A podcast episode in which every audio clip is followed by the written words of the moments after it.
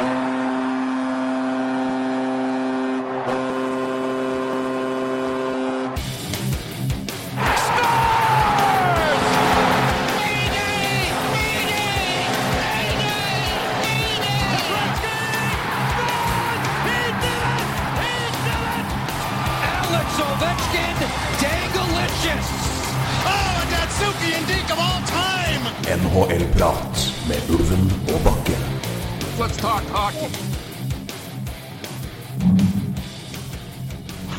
Det durer godt i bakgrunnen her, og det er fordi vi har øh, Vi kan ikke si oppgradert, men vi har kanskje gjort oss en hakk mer urbane hva gjelder øh, kontakter utenfra. Sist gang hadde vi med oss en trønder, nå har vi med oss en nordmann fra New York. Jeg sier hei, Ulv, men jeg sier også hei, Kvatt. Kan dere ta et ord? Hei, Bakke. Eh, først ulv her. Jeg må bare si at eh, her bråker det ikke i det hele tatt. For inne i Troms er det så stille og dødt at det fy pokker. Det er altså så kjedelig. Så her bråker det ikke, altså. Jeg, Troms, jeg regner med det er hos Platningen det bråker. For hos meg i, i New York. Ja, her. Det er, øh, ja, der er det, jeg, jeg tipper det er veldig stille akkurat der. Ja da. Det, nei, jeg, jeg bor rett ved en ganske stor eh, sånn eh, åre for eh, transport. Litt sånn tungtransport og sånt. Så Riktig. Jeg er også bor rett ved hoved, hovedveien i Sørreisa. Det her er ikke mye tungtransport. Der kommer Ja, det tror jeg Ai, går. ai, ai. Nei, det er Det er nok litt mer, litt mer taxier og trailere i rundt Å, herregud, hva heter området du bor i igjen, øh, Det er altså Williamsburg Williamsburg, takk, det var det. Ja. Det er uh... Det er ikke så mye tungtrafikk i Williamsburg sånn egentlig, altså. Men eh, det går én sånn vei gjennom her hvor det kjører litt. Det som, er, det som er interessant, eh, apropos tungtransport og litt sånne ting eh, eh, På mandager, da, når du kommer i butikken her i Sørreisa, så er det altså da helt tomt for kjøttdeig. Det kommer ikke før på tirsdag. Er ikke det ganske vanlig sånn ellers? Jeg, Nei, sånn det er- det. det er ikke vanlig, altså. Ja, men det er jeg vant til fra steder jeg har bodd ellers òg. At det er liksom, det påfylt kommer på tirsdag. Ja, ok, Ja. men den er god. Jeg har ikke vært borti det før. Um... Nei, men du har bodd så sentralt og urbant, du vet du. så, så, men det er ikke noe krise, det. altså. Det er bare interessant. Jeg Har ikke bodd på kysten. Det er derfor det heter tacofredag, ikke tacomandag. Ja, det er helt korrekt. Helt Men det er ganske tomt ellers også i kjøtthyllene. Altså. Så hvis du liker kjøtt, så, så blir det fisk på mandag. Ja. Nærmest du kommer. Eh, alt vel, eh, boys? Jeg begynner med gjesten først. Uh, Kvatt, er alt, alt vel med deg? Ja da, eh, absolutt. Eh, Jeg har eh, kommet meg tilbake fra en litt lang norgesferie og er i Ja. Takk for sist, forresten. Jo, takk. ja, det var artig, det. Det var moro. Ja. 23-25. Kunne frykte. Um, så nå er jeg tilbake på kamper og sånt. da, vet du. Var og koste meg med, med Zuccarello uh, i går. Uh, ikke, ikke hans beste kamp for sesongen, men han skåra jo endelig et mål. Så det var litt, uh, litt artig. Eh, og så er det jo gøy å være Pittsburgh-fan om dagen. ja. Ja, det er det jo. Vet du hva som er med, med Philadelphia? Det, nei, det er som det alltid er, det. Det er opp og ned. nei, men det er eh, akkurat nå er det ganske Det er, på en måte forbi Jeg, ser på litt, litt tilsvarende som det som skjer med Vancouver. Det er liksom forbi alt, all viten og vilje, eller all på en måte logikk. At det skal på en måte skje så hinsides uh, fort. Å si en vei og så den andre. Så jeg har på en måte, jeg har gitt opp konseptet og på en måte forstå det. Jeg bare prøver liksom å ikke, ikke finne kniven. Um, men samtidig så er jeg også jeg har litt langsikt, langsiktig perspektiv på det òg. Men eh, jeg vet, visste at det skulle være opp og ned i år, men lell, gitt. Ja. Så, det er, men det er interessant. Men det er, eh, vi skal ta, se litt mer, snakke litt mer tabell etterpå, for det er et par ting vi har merka oss. Eller som jeg merka meg, som jeg tenkte jeg skulle ut, ta litt an med dere. Men eh, ja, bortsett fra kjøttmangel i Troms, uh, Ulf, går det bra med deg? Eh, ja, altså, jeg kan jo ikke klage, egentlig. Eh, jeg har egentlig ikke noe spesielt uh, å bekymre meg over eh, privat, men, eh, men jeg er litt bekymra over Keri Price, altså. Han Ja. har vært svak i det siste. Eh, ja, det er for så vidt uh, sant, det. Eh, han er ganske lav i desember og egentlig gått uh, ganske dårlig i januar også.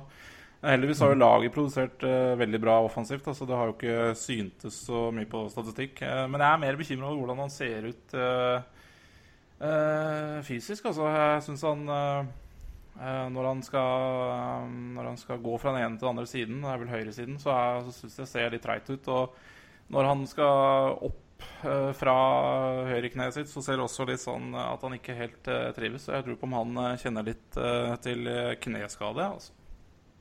Er det, hvor var det han eh, Var det det kneet som var trøbbel i fjor, var det det? Ja da, og antageligvis starten av sesongen i år også. Så, så nei, det Jeg blir bekymra, jeg kjenner det. Jeg ble enda mer bekymra da jeg begynte å prate om det, kjente jeg. Uff a meg. ja. Hvor bra anser du Montreal-laget for å være nå? Er det, er det en tittelutfordrer, eller er det første runde ut? Uh, Det er vanskelig å Altså med, med, med Kerry Price, da, med en frisk Kerry Price, og det laget her har jo vært et av de best, eh, best eh, offensive lagene siden 1.12. Uh, ser jeg på uh, sjanser skapt og sånn. Litt uvanlig til å være Canadiens, det. Men, eh, men det er klart hvis du hadde hatt en eh, topp topp målvakt som Kerry Price og produserer de sjansene som Montreal har gjort siden desember, da, i starten av desember, så det er klart det er en contender, det. Men, eh, eh, men akkurat nå er det vanskelig å forestille seg det med den eh, formen Price er i. Men, eh, men heldigvis er det ikke nå det avgjøres, da. Det, er mm. det, Det hjelper sikkert å få noen spillere tilbake fra skade òg. Ja, for det er jo veldig mange av. Eh, Det blir godt å få tilbake Brenn Gallagher igjen. Og nå er jo Galsjenjuk igjen skada med kneet, da. Så, Mm. så får håpe han er ute lenge. Men eh, nei, contender Jeg syns det er vanskelig å si. Men, eh, men det er også vanskelig å utelukke det, da. Vi kan vel komme inn på det, men vi skal snakke om eh, lista etterpå. Om, eh, å komme inn på et lag hvor vi ser hva, hva, hvor mye det har å si å ha en god keeper. Så eh, vi skal vel aldri skal vel aldri regne vekk Montreal så lenge Price er i form. Men nei, det har sett litt skranglete ut nå, det har det dessverre. Mm. For dems del. Men det har jo også gjort i det, byen der du bor, Kvatt. Og det har jo gått greit, det òg. Sjøl om en ellers så pålitelig mann har vært skikkelig skeit siden nyttår. Det Blitt, vært bra igjen nå, da, siste kampene, men lella, gitt. Ja. Yep. Ja, det var Nei, en fin, fin intro, det. Ja, eh, skal vi bare, men skal vi gnu på, på Gnu på, ja, som jeg pleier å si. Eh, jeg skal se, se litt på tabellen. Det er ikke så mye, altså Vi kunne sikkert pirka inn og bladd opp nyheter og ting som skjer, og, men det, vi har det som kvatt med. Da er det tenker jeg, prate om litt andre ting. Det, da kan vi snakke litt eh, Ja, trenger ikke ha så mye nyhetsfokus, da. Ha litt mer gøy. Ja. Men eh, jeg nevnte dette, nevnte dette, kort for dere begge før, eh, før vi gikk på her, men jeg tenkte også bare å høre litt med dere når vi først er på, på lufta. Det hjelper vel lufta på, på podden, for det er jo derfor vi er samlet her i denne, denne kveld. Det har jo vært en, en, en sesong veldig prega av, i mangel av et godt norsk, ja, seiersrekke, da.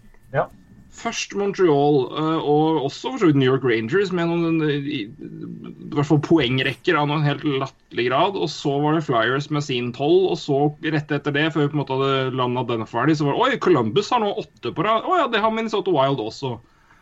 Og så landa den, og så har plutselig Washington kommet nå med 14 kamper på rad med poeng. og og midt oppi der så er liksom Penguins vunnet åtte av åtte av ti, og Rangers har tatt um, kanskje sju av ti en gang. Og så har, ja, igjen, så har Toronto hatt ni seire på elleve kamper. Og... Men, bare av sånn winning streaks, da, så det klart den er i god form, men det har vært så mye winning, streaks. Jeg spurte Kan dere huske noe lignende fra altså, lag i en sånn ekstrem form i sånne perioder at det har vært såpass jevnlig og såpass ofte? For jeg kan virkelig ikke huske at det har vært noe i nærheten av det her. Det har vært skikkelig nesten sånn parodi, nesten. Ja, altså, Jeg kan bare svare for meg sjøl, jeg lever jo nuet, så jeg kan, men jeg kan ikke huske på samme måte eh, disse seiersrekkene. Men, øh, men det, det, er, det, er noe spesielt med sesongen også. Eh, altså, vi snakka jo tidlig om Tidlig var det jo ikke, vi snakka jo seint i desember og midten av desember om at eh, herregud, de to wildcard-plassene de går jo til Metropolitan i, i øst. Men det er jo snudd igjen, eh, så, så det er klart det har vært en merkelig sesong eh, så langt, syns jeg. Ja, jeg lurer litt på om det har sammenheng med at eh, kampprogrammet er eh, hakket tettere enn det pleier å være pga. World Cup og, og sånt. Mm. Eh, så kampene kommer på løpende bånd. eh, og da blir det litt sånn at når du kommer inn i flytsonen, så får du kanskje litt mer utbytte av det, fordi det, du rett og slett spiller flere kamper enn en tidligere sesonger, da. Ja, altså Nå har du også de der friperiodene som lagene har også, på fem, er det fem dager uten kamper eller noe sånt. Så eller ukefri, da. Eh, og det er klart eh, det har jo, du, du, ser jo det litt på, på, på, tabellen innimellom nå, at det er flere lag som henger etter i kamper. Eh, og så har de plutselig tatt igjen de kampene. Islanders har jo nå 45, f.eks. For, for de, har jo, de kommer rett av en sånn periode uten kamper. Mm. Ja, Philly har vel noe tilsvarende det samme. for Philly hadde jo mange kamper mer spilt enn flere lag. Eksempelvis Boston er jo fortsatt det. Boston har jo fortsatt Um, 40, um, Boston har fortsatt fem kamper mer enn både Toronto og Ottawa, f.eks. Så det, er, um, ja, nei, så det har vært et stort skille en stund. Ja, nei, så det, er, det, det, det, trenger ikke å ta så veldig lang tid da, før laget er oppe i det igjen, og, eller helt ut av det. Så, mm. Nei, det, har vært litt diskusjoner her i Nord-Amerika på, på, det der at uh, tabellen uh, er litt vanskeligere å tolke enn ellers. Nettopp fordi det er så stor forskjell i antall kamper spilt. Ja. Mm. Eh, som en ivrig fantasiligaspiller så er det jo veldig viktig å tenke på dette her. Eh, det er ikke så dumt å trade til seg spillere fra lag som har spilt få kapper. Og kanskje kvitte, kvitte seg med spillere fra Boston f.eks. Eh, mot en spiller fra Toronto eller Ottawa. Mm. Plutselig fem kamper mer spilt per, per trade. Ja, ikke sant. Det er, det er sånne, sånne småting som er uh, smart å tenke på i den sammenheng. Men, det men en annen ting også som jeg merka meg, det, det nevnte jeg før, men ikke for deg, Kvatt. Så lurer på, på din reaksjon på det. For nå, så, når jeg også merka meg når jeg så på tabellen her, var uh, for de av oss som ikke er fargeblinde og ser på en NHL-tabell, i hvert fall den på nhl.com, så er det altså et klart skille mellom topp, de som ligger topp tre i sin division, og de som ligger både wildcard og bunn, med unntak av New York Rangers i øst. Samtlige lag som ligger på 1, 2, 3 i sine divisjoner, har grønne tall på måldifferanse. og Noen av dem helt hinsides eh, god pluss, eh, altså stor pluss. Mm. Vi kan nevne f.eks. Washington har 54 pluss, Columbus 49, Penguins 535. Uh, eh, Minnesota har 46 osv. Men igjen, fra wildcard og ikke playoff-lag, så er det kun Rangers som har positiv målforskjell. De har dog pluss 40. Mm. Resten har alle lag minus. Det er også et sånn helt et merkelig skille som jeg syns jeg nesten ikke sett. Og det verste er det er veldig få lag som er i nærheten av, hvert fall som ligger utafor playoff, som er i nærheten av å ha pluss. Mm. Det er kun, som jeg ser, Kings som har minus to, og Islanders minus fire. Og Boston minus seks. Men altså, det er sånn, resten er langt unna, altså. Og Hvor sjukt er det ikke at uh, John Tortorellas lag har pluss 49? ja, er nettopp. helt Det hadde jeg redda mye mot før sesongstart, altså. Mm -hmm. Og, og, Lightning er det eneste lag under 500. Eh, altså. Det er jo um, også spesielt. Altså, det er jo mm, I øst, det, ja. Ja, i øst. Uh, og ja. det, det, også er spesielt. Ja, det er bare fem, fem poeng fra bunnlaget til uh, wildcard. Mm, det er fem, vi er, vi er, vi er snart til slutten. Er sånn til all-star break, og det er fem poeng mm. fra sist i øst til wildcard-plass. Mm. Som, og for øvrig også bare seks opp til sikker playoff-plass i Atlantic. Det er helt det, det er, Dette året har vært helt merkelig med tanke på form på lag og hvor fort det har svingt, og ikke minst hvor jevnt det er. Det er helt det er nesten, Du blir nesten lurt av å snakke posisjonen framfor poeng, for det, det har liksom ingenting å si. altså. Mm. Ja, det er veldig, veldig spesiell sesong. Uh, jeg er litt usikker på om det har noe med saken å gjøre også, men, eh, men uh, de strammer jo inn på Eh, størrelsen på keeperutstyr også. Det kan jo kanskje ha hatt noe å si for målproduksjon. Eh, for det er noen keepere som har gjort det tidlig, og noen som har drøyd det lengst mulig. og det er vel, Jeg tror ikke engang fristen har gått ut. Jeg husker, husker ikke nøyaktig når fristen var, eller om det var 4.2 eller noe. Hvor alle må ha tatt i bruk det nye utstyret. Mm. Ja, det skulle vært interessant å sette en oversikt over hvem som brukte det eventuelt når, om vi kan se noe effekt. Altså, klart at Hvis Devon Dubnik bytta det i oktober, så er jo på en måte det litt trist for den teorien, men eh, det vet vi jo ikke. Nei, ikke sant. Nei, men det kan vi jo se det på. Sant. Det kan vi jo se på. En, en annen episode som kommer snart, kanskje. Eh, for det er jo kjempeinteressant. Vi har jo hatt flere sånne blowout-seire, da. Eh, mm. også, og det kan jo ha sammenheng med det. Jeg vet ikke, nå bare tenker jeg høyt. Mm. Men det var sånn som slo meg sånn her om dagen. For det er sånn, Jeg syns jo det på en måte klart det er moro, men sånn og nå spør, jeg, klart, nå spør jeg dere, men det er sånn, for det, jeg for min del er liksom sjanser og trøkk mer viktig enn liksom mål. At, altså, altså, la oss ta, ta, en vanlig kamp. Så, hvis, la oss si nå at eh, du tar en, ta en helt hverdagslig 3-2-kamp da mellom ja, skal, skal vi si Islanders og Florida Panthers. Men det er litt, altså kampen er per intensjon ikke noe annerledes. Men altså klart kamper preger mål, så det blir på en måte vanskelig å si det hypotetisk uten at det har noen effekt. Men spillemessig kan kampen være ganske stusslig. Men pga. keeperutstyret så blir det mer mål. Har det noe å si for underholdninga, eller er det, eller er det måte litt måten man spiller på, eller taktikkeriet rundt det som man gjør det på? For jeg tenker altså klart at mål er underholdende, men det er jo mer ved hockey som jeg syns er underholdende enn antallet mål, og det er jo intensiteten rundt det. det kan være, jeg kan se fantastiske 2-1-kamper og ganske kjedelige 6-4-kamper, egentlig. Ja, man kan jo det. Men det er, det er sjanser som er underholdende. Mm. mål, også. Men Ja. eh, har du en eh, sjanserik eh, 2-1-kamp, så er det morsommere enn å se en sjansefattig 5-4-kamp. Ja, ja. Eh, Men så kommer vel oppfølgingsspørsmålet til for da å være djevelens advokat mot meg sjøl, men vil det da, tror dere da at hvis man ser at det kan bli mer mål, at det kanskje øker om ikke sjanger, men at det blir litt mer At folk er litt mer løse på triggeren, og at man skyter litt mer, eller at, at det kanskje kan bli litt mer sjanser rundt det ved at det skåres mer? Eller, altså, jeg, jeg vet ikke. Jeg, jeg bare, jeg for min del er liksom ikke størrelsen på keeperutstyret det automatisk jeg godt endra på for å gjøre mer underholdende. For jeg vet ikke liksom om mål opp, antall mål opp automatisk blir liksom bedre. Og ja, nå vil vi ha en liga med liksom 6-7 som vanlig snitt, eller vil vi på en måte ha det hvor, hvor det er litt spesielt? da? Hvis vi bare tenker litt høyt, da, nå kan det godt hende at jeg er på villspor, men, eh, men eh, når man har eh, keepere som er så fenomenalt gode som man har i dag, eh, utstyr som er gigantisk, for det er det jo, det er unødvendig stort utstyr de har hatt, Det er det. Så har jo, eh, har jo eh, spillerne foran dem kunnet kollapse foran mål og bare overlate ting til keeperen, egentlig. Eh, hvis utstyret blir, mindre og skudd blir farligere, så vil de kanskje i større grad være nødt til å presse skytter for å få ned kvaliteten på skuddet som sendes av gårde. Jeg vet ikke.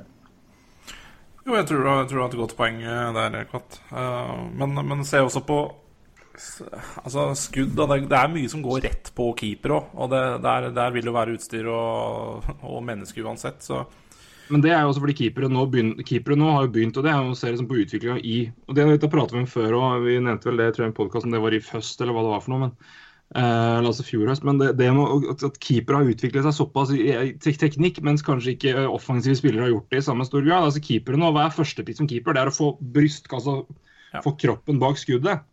Du ser, jo, du ser jo knapt nok liksom double stack slides eller at folk hiver seg. Du får ikke de syke redningene. fordi altså, De kjedeligste keeperne er de beste, for de er, er godt posisjonert. altså og det er, eh, og, ja, og og det er sideforskyvning, og det er også, så, det er jo bare, bare se altså, Vi prater om 80-tallshockey og liksom åpent og underholdende og morsomt. Se på keeperspill på 80-tallet! da. Fem keepere kanskje som er i nærheten av å være gode.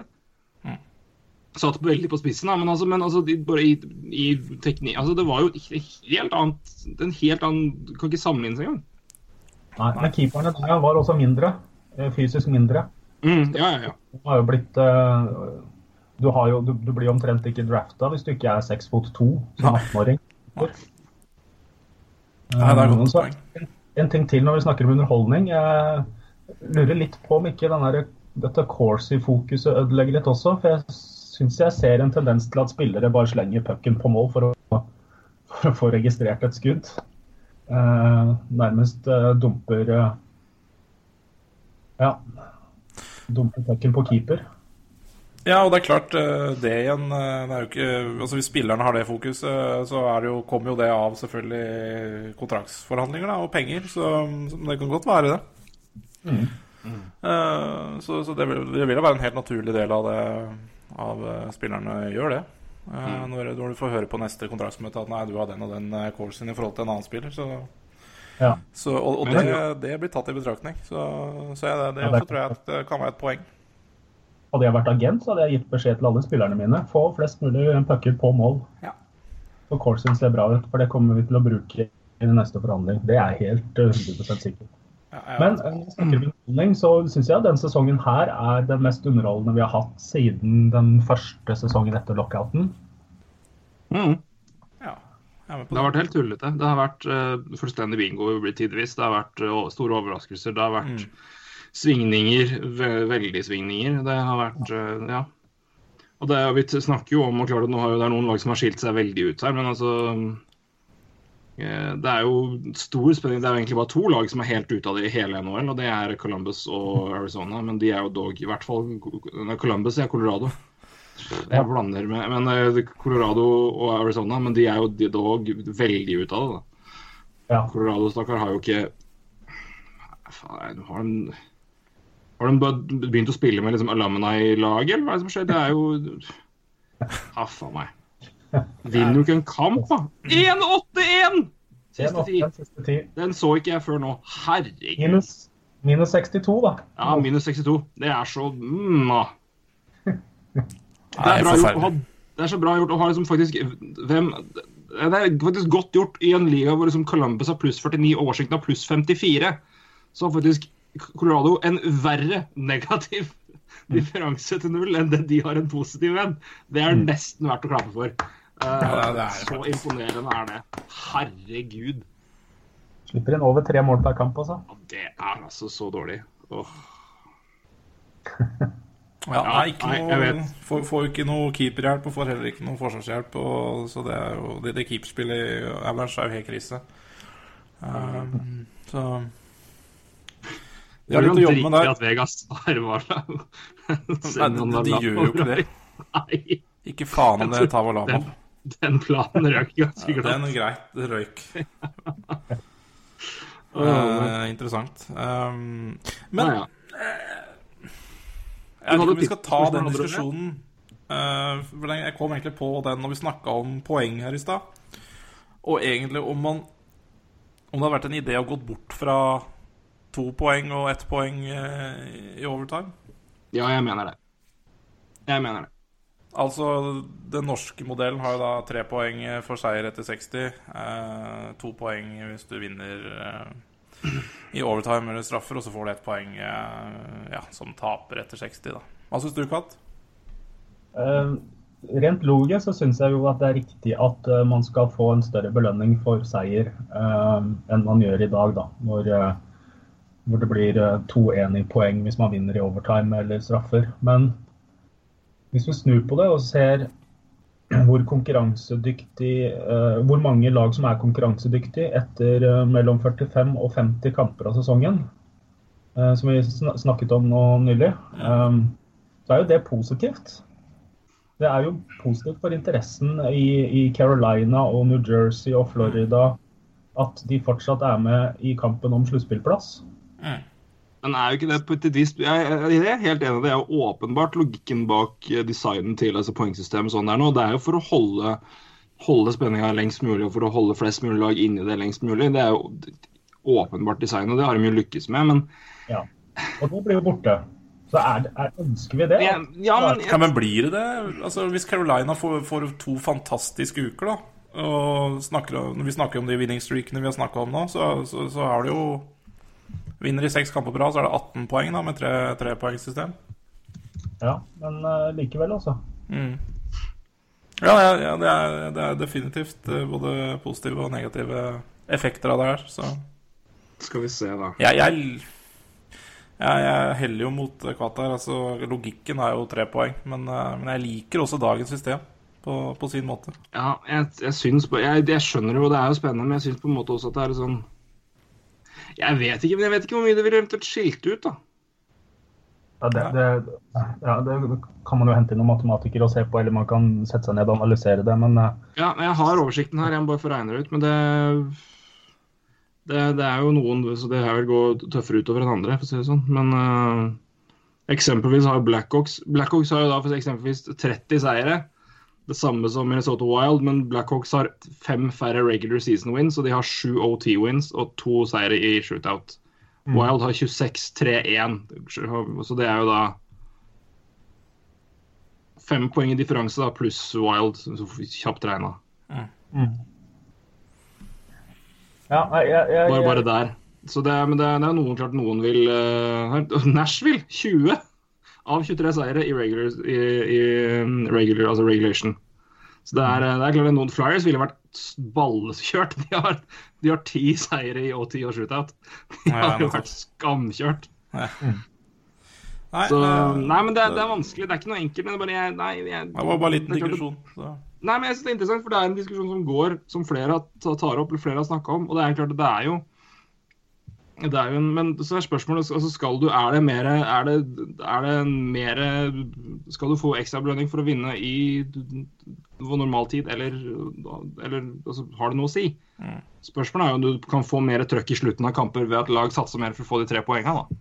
Det kan du. Men du, du havner også i en situasjon da, hvor hvis du, hvis du ser f.eks. øst nå, som er skikkelig jevnt, hvor Mm. Islanders, Buffalo og Tampa Bay ligger sist med 47 poeng og bare er fem poeng unna. Mm. Du er i en situasjon da, hvor de siste 30 kampene deres, siste 15 hjemmekampene deres, da vil være meningsløse.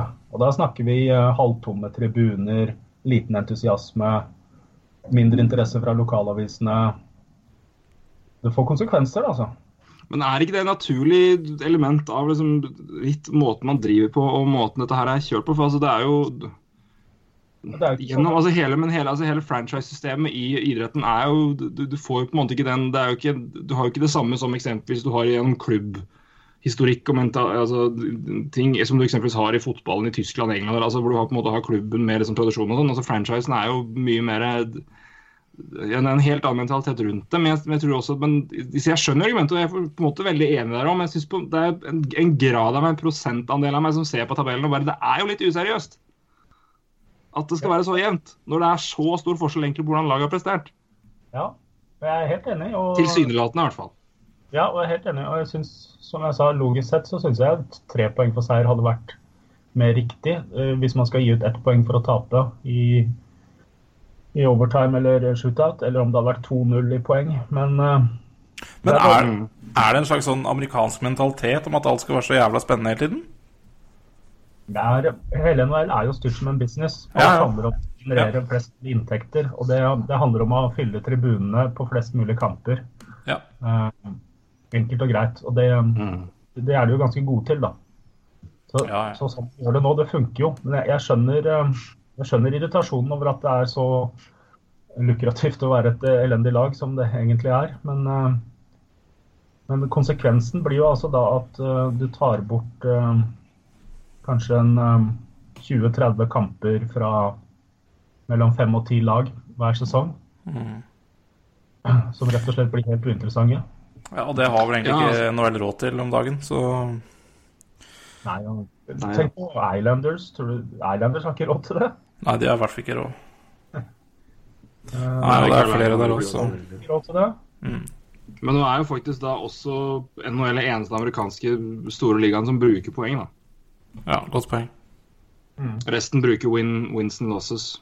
Mm. Har bare det. Rein, rein win-loss. Eller i NFL-tilfellet er også uavgjort, men det skjer jo aldri tilsvarende. Det skjer kanskje én eller to kamper per sesong. Um, det er jo godt over Ja, ja det er vel ja, Jeg skal ikke kjapt regne, men det er, det er vel nærmere 150 kamper, tror jeg. Mer enn det òg, kanskje.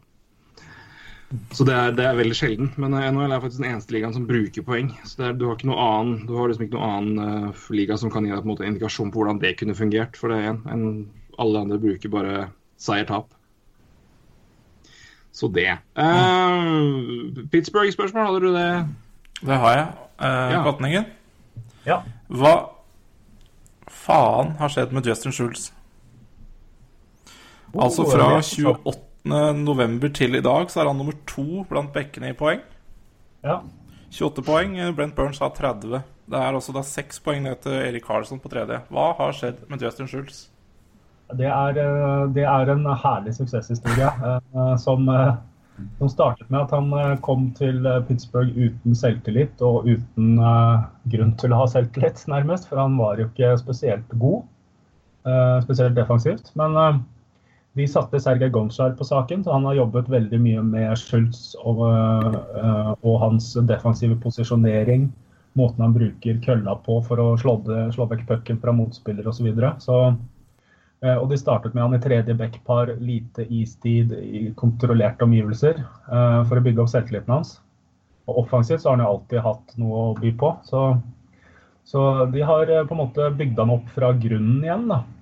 Eh, Gitt han selvtillit, gitt han eh, bedre ferdigheter, altså gjort han til en bedre defensiv back. Eh, Og dermed så, så får han også selvtillit, blir bedre offensiv. Og så har jo Letang vært mye ute. Og det er klart Når du har en back som Schultz som er flink til å gi pucken til en forward, og den forwarden du gir pucken til er Crosby eller Malkin, så blir det jo litt poeng ut av det. Um, og med, med Letangs skadefravær så får han jo spille i første powerplay. Så alt har egentlig gått riktig vei for han. Jeg kan vel også si det sånn, Hvis jeg får skyte inn med et kort poeng og det er jo at I noen tilfeller så ser du bare en perfekt match mellom eh, coach, system og spiller. og Jeg tror vel, jeg var garantert ikke den siste eller eneste som tenkte at hvis Justin Schultz skal ha en mulighet til å få noe som helst til å fungere som siste sjanse i NHL, Pittsburgh med det systemet de spiller, jeg kan ikke gi så mye bedre sjanse enn det. altså. Nei, det er helt riktig. Men jeg syns det, er- synes det er fantastisk eh, moro, da.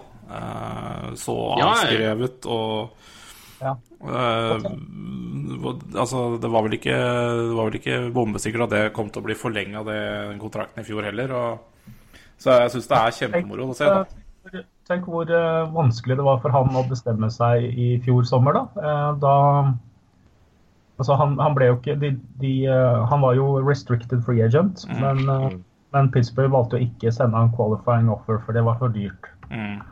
Eh, Så kunne han jo fått Han vant jo Stanley Cup, så han kunne jo fått en decent kontrakt et annet sted. Men han valgte å ta ganske lite penger for å bli i Pittsburgh. Så han satset jo på at det, det var rett match, og at, at han skulle få mer muligheter da, i den sesongen. her, For han spilte jo bare i tredje backpar hele, hele fjoråret. Mm. Eh, Så jeg syns det er litt gøy at han gambler på en ettårskontrakt på lav lønn, og så blir så inn i granskauen belønnet eh, som han kommer til å bli nå. Er han, Ja. er han fortsatt 3D-par eh, når Letang er frisk?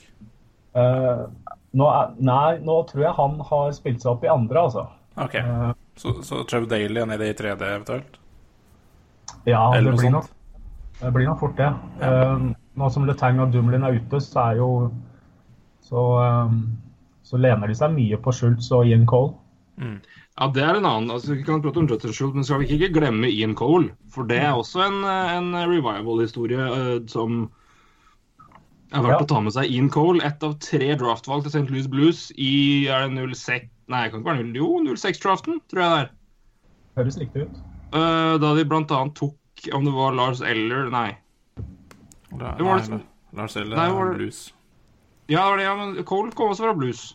Ja, sånn, ja. Uh, tatt Eh, ja. Tredje av Blues uh, sine valg i tror jeg 06. 07 er det. Uh, 07. Jeg tror de hadde tre draftvalg den runden og tok uh, Cole nummer er det, Var det 27? 18. 18? Han var, han, han var sistemann. Nei, De det Samme. 13, og så hadde de David Perron på 26. 26 og Perron var 26, sånn var det. Jeg, blandet, jeg trodde Cole, eh, Cole var sist. Men samme, men Ian Cole var tidlig. Altså, det er jo igjen, andre runde var jo tatt 18, ikke sant? topp 20 first round. Ble aldri noe av i blues.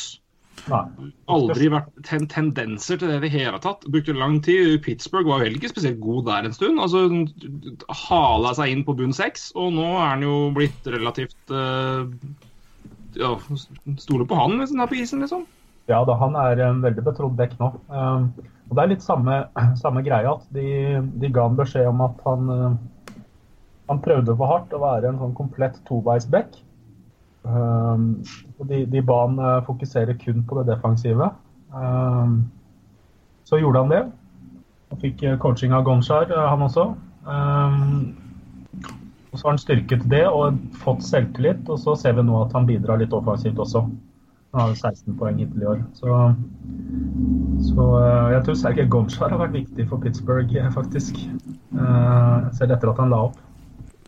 Fin, fin type, da. Så Ja. He, han, he haunts us from his grave, kan vi si det. Uh, Sergej Gomsjar. Han- Oss, oss øvrige, altså. Mm. Han, eh, må prøve å få litt skikk på Oli dø. Og så går det jo greit. Det virker vanskelig. Der har jeg gitt opp, faktisk. Ja, altså. Er Vi bare slå fast at finske bekker som slår gjennom liksom, i første sesongen, på en måte skal jo på en måte være vokte oss veldig for. Jeg brant meg veldig der på Joni Pitkinen i 2004. Uh, Gud bedre og god han var. Det Det fikk, fikk jeg svi for. Synd med Mata, altså, for han, eh, han var fenomenalt god i første sesong. Mm. Ja, ja, ja. Og sykdom og skader og Nå, nå ligner han jo ikke seg sjøl i det hele tatt. Han er jo stort sett eh, det svakeste punktet av bekkene til Pittsburgh, syns jeg. Mm. Men så er det det ab absolutte da, med sånne spillere som har vært der lenge, som, og spesielt Bekker. Han er bare 22 jævla år, liksom. Ja, Han er så bare fjokken. Ja. Ja. Han er jo det. når vi ikke holdt på å si, når eh, vi snakka om en Schulz her, som, eh, som, som, man, som man fikk sjansen igjen, så kan man ikke gi opp Matt heller, vel? Og hvor gammel er han? 26. Han er ikke gammel, han heller, skjønner du. Det Det er klart, det kan ha gått hende Matt Vet Han er RFA fortsatt. Han er RFA etter sesongen her òg. Det er helt Det er rart, altså. Jeg ville, hvis, hvis jeg hadde styrt uh, Penguins, så hadde jeg uh, satt ut uh, Mata eh, av laget i eh, kanskje en måned, kanskje to. Rett og slett satt han ut av laget, fått han til å studere mye videobilder, jobbe med trenerne. Liksom bygge han opp fra grunnen igjen, han også. Eh, fordi det, er vanskelig å korrigere midt i en sesong, altså når kampene kommer annenhver dag. Ja, så De trener jo ikke lenger, så, så, så, så det er klart, det. Han, han sendes på måte, Det eneste opplevelsen han har, er å bli sendt ut på dypt vann hver gang han går over, eh, over vannet og ut på isen. eh, uten selvtillit. Mm. Uh, Ja, man har ser jo... at man, man tar ut spillere sånn og fokuserer på trening. Men han tror jeg kunne hatt godt av det. Ja, for det er jo ikke Altså, Philadelphia har gjort det med, med Gossespear et par ganger denne sesongen her. Eh, eh, en offensiv spiller eh, som jeg følger litt pga. fancy, er André Burakovsky i Washington Capitals. Han har blitt benka en del ganger for å nettopp studere video og lære av Ja, lære, da. Og ser jo ut til at han begynner å treffe form igjen. Så, så det er klart det, det brukes jo litt i andre klubber òg, så med hell. Mm. Jeg tror vel Penguins har i hvert fall nok. Nå, når, hvis Letang er ute når han kommer tilbake, så er det nok kanskje mer anlegg for å gi han litt, litt fri, sånn sett. Men det er jo ganske altså, men er jo- Kvatt er jo ikke kjent for å på en måte ikke ta i i forhold til løsninger på ting. Så setter Manta ut en måned, det tror jeg er i overkant. Men det klart at det er jo men det er jo sikkert akkurat det, eller akkurat det som trengs. Men det er jo Unge spillere er jo Det er jo den kanskje hockey-IQ-en eller rutinen eh, på å henge med, spesielt defensivt. Da, for det er jo der eh, du skal på en måte ha huet oppe og få med deg alt som skjer. og det Er klart, hvis du er, er du usikker i forsvar, så får du svi ganske fort. Ja, du gjør det. fordi du, du, Når du er usikker, så, så påvirker det hvor lang tid du tar, bruker på å ta en beslutning. Da. Og hvis Yep. du bruker 0,2 sekunder lengre tid eh, på hver eneste beslutning, så er det synlig utpå der. Og da ser du plutselig treg ut. Han ser jo treg ut, og han er jo ikke det. Nei. Det går tregt opp i hodet eh, sammenlignet med hvordan det gikk eh, i starten. Mm. Første sesongen han kom inn som verdens største backtalent omtrent oppi sitt eget hode, virket det som. Og hadde selvtillit i alle situasjoner, og alt var naturlig for han. Så ja, vi får se hva som skjer der. Eh, Han, eh, han fortjener alt godt. Mm. Ja, han, Ja, Han har vunnet Stanley Cup en gang, så jeg tror han kan klare seg ganske greit òg. Men eh, det, er det, er, det er lenge igjen av karrieren. Han kan, det kan fort være et 15 år til. og Det er, Ja, og det er, mye, det er, det er mye tid å rette, rette opp på. Ja, hans er jo eh, eh, Han har jo potensial til å bli en eliteback i NHL. ja. Absolutt. Nei, Skal men, vi, eh, skal jeg vi syns det var interessant en å prate litt om det, egentlig. Så, så da var det fint vi kom inn på det. Ja, det var et godt poeng, Ulf. Eh, skulle du si noe om Sukka, eller skal vi gå på lister? Lister er fint, det. Det er Si morsomt. hei, hei, hei, assistgutt, hei. Skal vi bare si det? Og så eh, får vi gjøre oss fornøyd med det. Han Zuccarello også. han var nest flest assist i NHL den siste måneden, eh, med 15. Niklas Bekkstrøm har 16 eh, siden 23.12. Og Zuccarello er vel nummer 10 eller 11 i hele NHL med 16 poeng eh, på 13 kamper i den perioden. Ja, det er, det Det er er bare å hylle. Eh, og så får- Ovechkin med 20, Ovechkin og Bäckström har 20 poeng, men de har altså tre kamper flere. Eh, 16, 16 kamper spilt. Ja. og så får vi bare håpe at eh, Vil du sende en hilsen til Sverre angående Bekkstrøm, eller, eller, eller, eller, eller, eller, vil du- vil du vente litt? Nei, jeg trenger ikke å snakke om Bextra. Eh, Han, han snakker for deg. ja, det er korrekt. Det har han alltid gjort. Det har han alltid gjort. Det er helt riktig. Um, så det. Men nå får jeg bare hva jeg skulle si. Eh, Nå skåra jo Suka i natt. Det så jo du live, ehm, eh, Kvatt. Så, så vi bare håper at skuddene hans eh, går oftere i mål, for det har ikke vært så mye av i år. Nei, og han, han sier jo at han ikke bryr seg om det, men eh, han hadde jo ni skudd i en kamp her, så det er ganske opptatt. Han blir nok noe. Da har du lyst til å score. men, men ser du noe forskjell i skuddene hans, eller er det Nei, jeg gjør ikke jeg, jeg, jeg, gjør posisjon, ikke eller egentlig.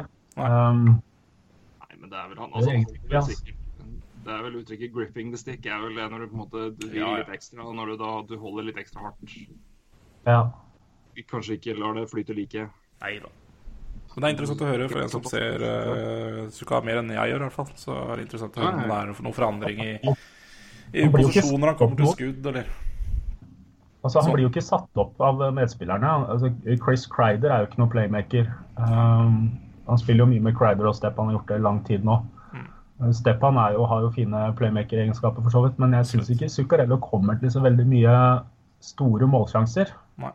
Men, er vel, ja, men så er jo spørsmålet da er, er den linja coacha sånn at han skal gjøre det i utgangspunktet? Det er jo det er også et poeng i det. Altså, jeg ville jo gitt de andre gutta bare kom dere til mål og la, la Mats gi dere pucken. Det er jo å prøve å få Crider til å sette opp Sukka når du kan gjøre motsatt. Det er jo kontra, kontraintuitivt, eller er noe sånt det heter? Og rekka har jo fungert fantastisk i lang tid nå. De, de Mm. produserer jo eh, fenomenalt bra med poeng. Um, så, så den funker jo sånn, sånn som den er. Ja, ja. Det er eh, Jeg tror ikke det er noe problem for, for, for Madsson eller for om han har 15-50 fordelingsmål sist, altså. Det er eh, Absolutt ikke. Jeg tror jeg hadde vært helt ålreit. Han er nok mer bekymra over bekkene. Ja, men det, hvem er ikke det?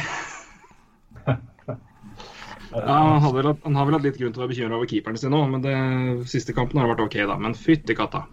Ja, Han var fantastisk i går, faktisk. Eh, Bortsett fra siste skåringa, så var Lundqvist eh, Lundqvist var eh, han som holdt dem inne i kampen. Ja, men det er bra. Det har vært behov, for det har ikke vært pent etter nyttår. Nei, Nei, han var mål i går. Hvis vi, Inntil han hadde shutout, altså inntil han holdt null mot Detroit, så hadde Henrik Lundqvist to kamper over 90% i, med redningsprosent i kamp. Mm. Kan man ta dem på rekke og rad fra liksom, uh, jan, 3. januar mot Buffalo, 78,9. 4. januar mot Philadelphia, selvfølgelig, 93,8. Uh, Blue Jackets, 89,2. Uh, Toronto 13. 13. januar, 85,2. Montreal 77,3. Mot Dallas 74,1. Og så da Toronto 92 blank, eh, Detroit 100 og da Kings i går 94,7. Men Bakke, han, han, han trengte de, altså. Men, men jeg kan ta det kjapt eh, når man har verktøy som kan summere opp veldig greit. Siden 3. januar altså, så har han da en redningsprosent på 87,9. Ja, det er ikke bra i det hele tatt. 360 kjøpt inn mål i snitt, så, så, så, så januar har vært ganske begredelig. Så, det, så den uh, shutouten eh, mot Detroit og godkampen i går trengte den. da. Det gjorde den absolutt. Så, eh, men det har vært der. Det er interessant å se. Uh, får håpe for Rangers, Rangers sin del at det, Nå har de jo skåra så mye i perioder at det har liksom ikke hatt noe å si at Henke har vært ganske skeit til annenhver, egentlig. Men uh, de trenger nok han i litt mer stabil form inn i sluttspill, i hvert fall. Ja da. det Det kan vi vel si. Men han er sikkert det også. Ja, jeg, skal, jeg kommer nok aldri til å tippe mot han, i, i, i, i hvert fall før om noen år. Kan vel hende dukker opp på noen lister òg etterpå. Eh, og apropos det. Eh, du kom jo med en Telefonen min eksploderte jo her om dagen. Eh, ja. Kvatt sendte under en liten tweet med en, en litt, et lite vedlegg. Eh, du kan fortelle sjøl. Hva, hva var dette?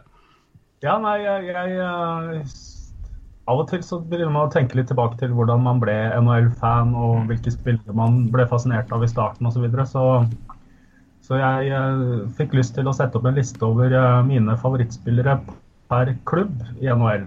Eh, sånn, jeg er jo veldig glad i lister, så, så jeg gjorde det, og tvitret det og oppfordret andre til å gjøre det samme. Det, det var det jo noen som gjorde, så det var jo moro. Ja, det var det jo i aller høyeste grad, vil jeg si. Um, hva var det morsomste? Var det det å sitte og lage lista sjøl, eller var det det å se andre sine lister og komme på spillere du hadde glemt? Det siste, det siste er helt klart. Når du ser folk trekke fram Oleg Tverdolskij og sånt, da det, det er stas, altså. Ja, den, var, den, hadde, den hadde jeg glemt. Det var jeg veldig veldig glad for. Han, Ja. han en knallhard kamp om å komme inn på lista mi på Anaheim-plassen, men han tapte så vidt det var. Ja. Uh, Det er vondt, altså. De der, de der du har på andreplass. ja. Det er så mange av dem som du har så lyst til å gi litt sånn heder og nevne, men det, du, du har bare plass til én. Så det, ja, det var tungt. Så, men eh, jeg vet ikke hvordan jeg skal gjøre det her. For det, vi må jo ha med din. Du har vel lista, har du lista di klar, Kvart? Har har du nærheten? Jeg har, eh, har den her, altså. For det jeg syns vi kan gjøre da, er jo at du rett og slett som uh, the originator kan, uh, kan komme med din, uh, ditt, dine, si, ditt valg først. Og så kan vi følge opp etterpå. Ja. Tar vi det lag for lag. Ja, så er det en Bue eller eh, juble hvis dere er enige eller uenige, da. Hvis det er noen dere har sterke meninger om. Ja, det kan vi jo selvfølgelig gjøre. Eh, åpenbart, jeg si. Men så her har vi også fått en Vi sa vi skulle komme med lista. Vi sa all time. Den er, altså All time er jo da eh, tatt ut ifra vårt perspektiv. Eh, det er mange spillere vi har sansen for historisk sett, men jeg har tatt spillere, kun spillere jeg har et forhold til, enten gjennom da et hockey Sett dem, husker dem som sånn, NHL, eh, fast altså, gjennom spill, altså, eller altså, spillere jeg har et personlig forhold til. Um, og det Så her er det vel jeg tror den, den e- eldste spilleren her begynte, begynte sin karriere sent på 80-tallet. Vi, er- vi er der. Eh, så det er ikke Jeg tror nok uh, Og så skal vi vel også på oppføring kanskje ta og, og slenge ved en enn den som vi spiller nå, altså vår, vår favoritt på laget akkurat nå. Ja, det skal det.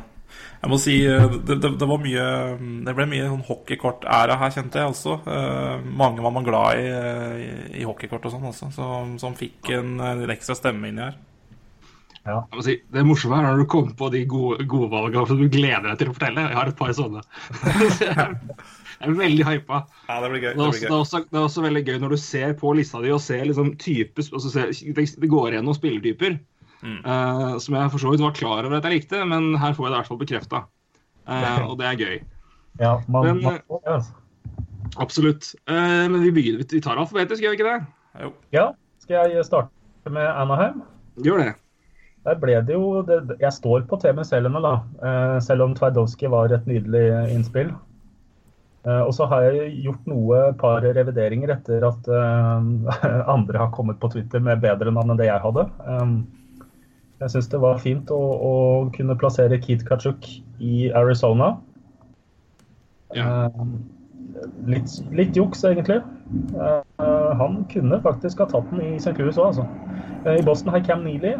Men skal, vi, skal, vi ta, skal vi ta det Vi tar et lag for lag. Altså, du, vi, vi vi tar også Anaheim samtidig, så vi på en måte henger sammen. Skal vi gjøre det sånn? Vi deler opp der. Og så vil jeg Ja. bare slenge, litt, slenge meg på litt katt der, for, for det er jo noen spillere som har, altså på min liste også, som har spilt i flere lag, men kanskje det er det laget jeg på en måte har eh, blitt glad i han i, på en måte. Ja, det er eh, helt korrekt samme her. Kjører, dere kjører mer sånn ærlig versjon, dere er ikke en sånn jukseversjon? Ja, akkurat, Nei men, det, nei, men det har ikke noe med det å gjøre. Jeg, jeg, jeg, har- jeg, jeg deler deg på litt juks etterpå, for å si det sånn. Så jeg, jeg skal, men uh, hvis vi holder oss til Anaheim, da. Eh, hvem hadde du da på hvis du sier, hvem hadde du på nåværende, nåværende NHL-lista di? Uh, av de som spiller der nå, Ja, Rikard Raquel. Rikard Raquel. Ja, jeg, jeg sender, sender, Ulf, jeg sender ballen til deg først, jeg, med Anaheim Ducks. Ja, og det er jo et lag jeg altså blei glad i eh, egentlig ja, pga. at jeg begynte å følge med NHL i rundt 93-94. da, Selvfølgelig. Montreal vant jo da, så da blei jo det også for laget. Men, eh, men her var eh, Og det var jo et eh, skal jeg si, litt romantisk lag, dette Mighty Ducks of Anheim. Og jeg, jeg falt veldig for Paul Carrea, altså. Ja, Det er jo ikke noe feil valg, det i det hele tatt. Det, han, var, han var høyt oppe her òg.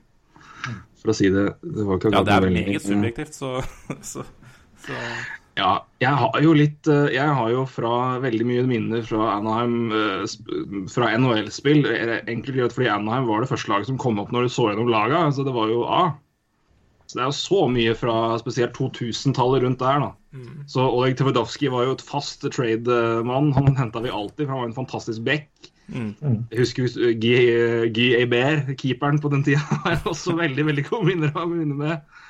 Og ikke minst altså igjen Jeff Reason, Steve Ruchin, Paul Korea. Men her måtte jeg gi kjærleik til eh, en eh, herlig mann som spilte på det som etter hvert har blitt min litt sånn favorittrekke of all time, som ikke har med Filadelfia å gjøre.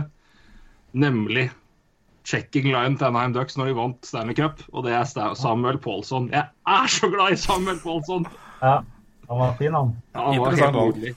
Ja, men han er, han er blitt han er en sånn personlig favoritt, men Travis Moen, Rob Niedermeyer og Samuel Paulson det er en det er så høy personlig favoritt, den rekka der. De var så gode Ja. når Ducks vant. Det var det- et checking line eh, Ja, det var faen veldig bra. Helt fantastisk. Ja, alle, alle de tre gutta der, helt høyt på lista, men Samuel Paulson ble en sånn personlig unsung hero for meg.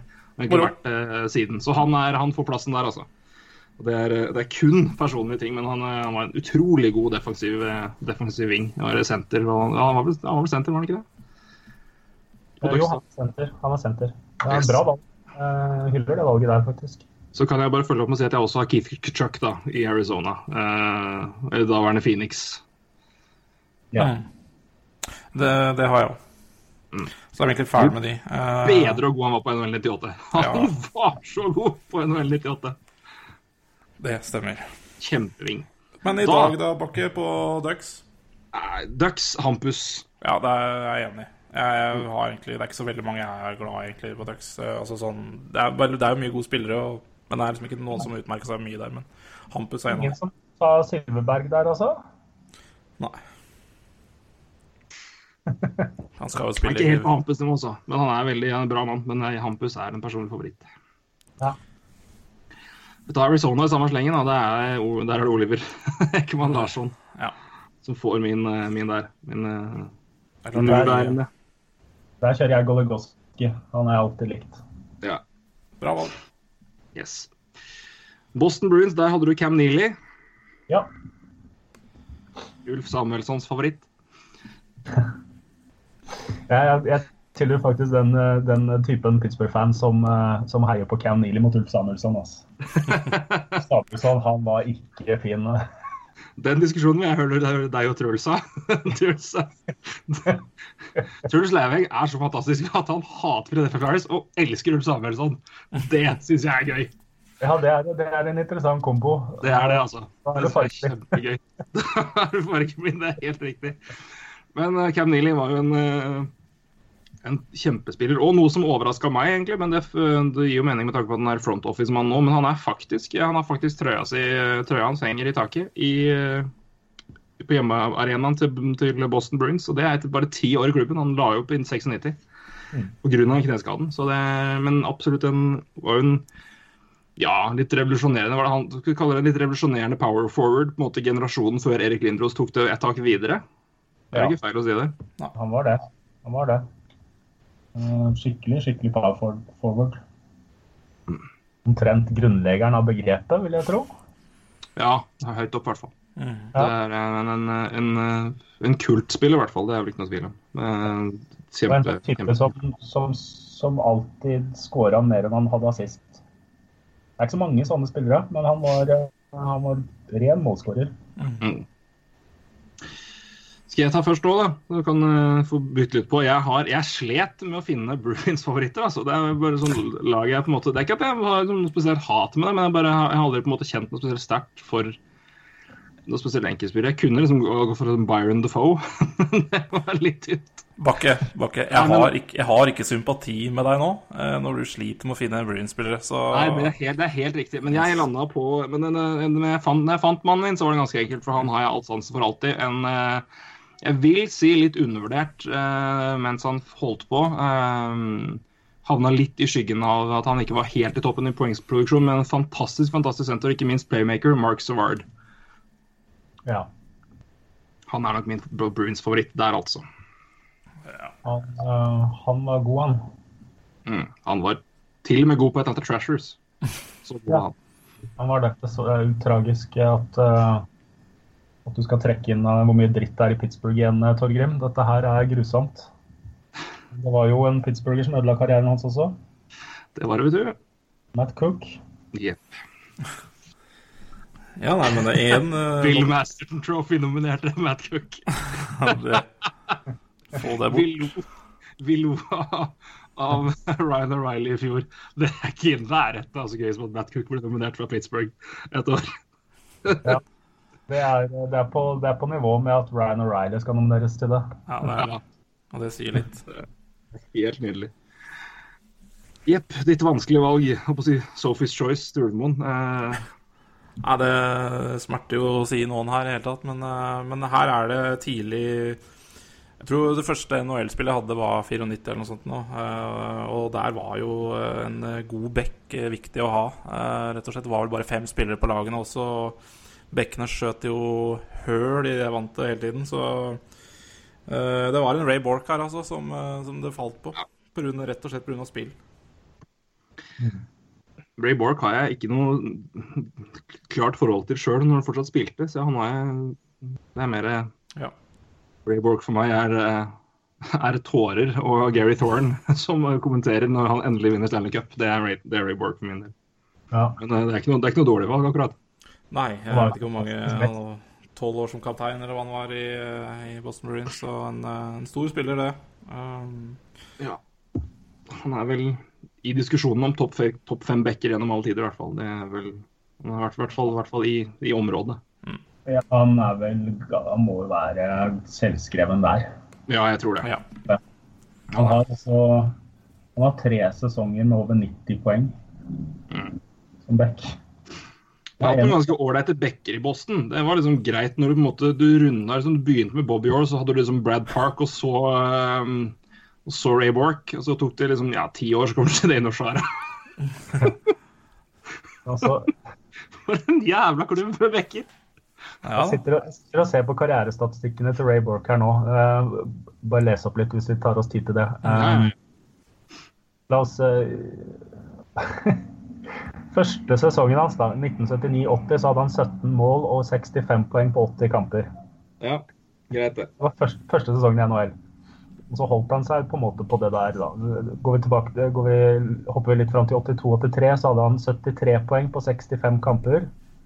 Deretter 96 poeng på 86 poeng på 73 kamper.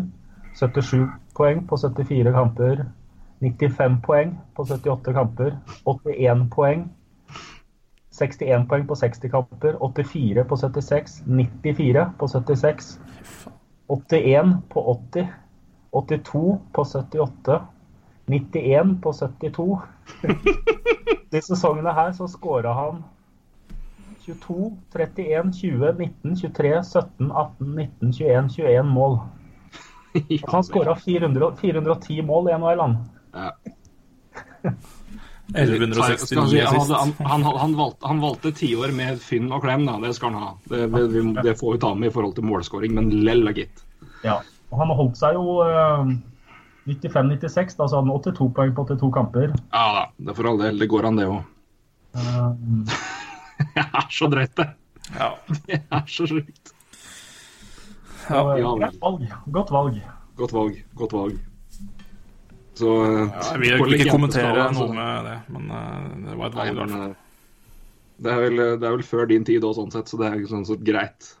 Ja, nei, det, det er jo egentlig altså, altså, som jeg, jeg var jo begynte å følge med 2-93-sesongen, så han, han levde nok noen år, dessverre. Uh, mens jeg jeg levde på, altså levde i NHL mens jeg fulgte litt med. Så, så, men jeg har ikke noe vonde med vonde minner med for, for der, så der, var jeg ikke på det, på, på det stadiet. Buffalo Sabres eh, sender ballen til Kvatt igjen, som eh, server opp. Skal han spiller i dag? Ja, vi skal på Boston? Dag, ja. Fader, det var jo Ja. også en forespørsel. Ja, det angrer jeg på at jeg stilte, men det er greit. Det er, vanskelig å ikke si eh, Det er en del av, altså det er en del av meg som liker Brad Marchand, så er det en annen del av meg som bare nei.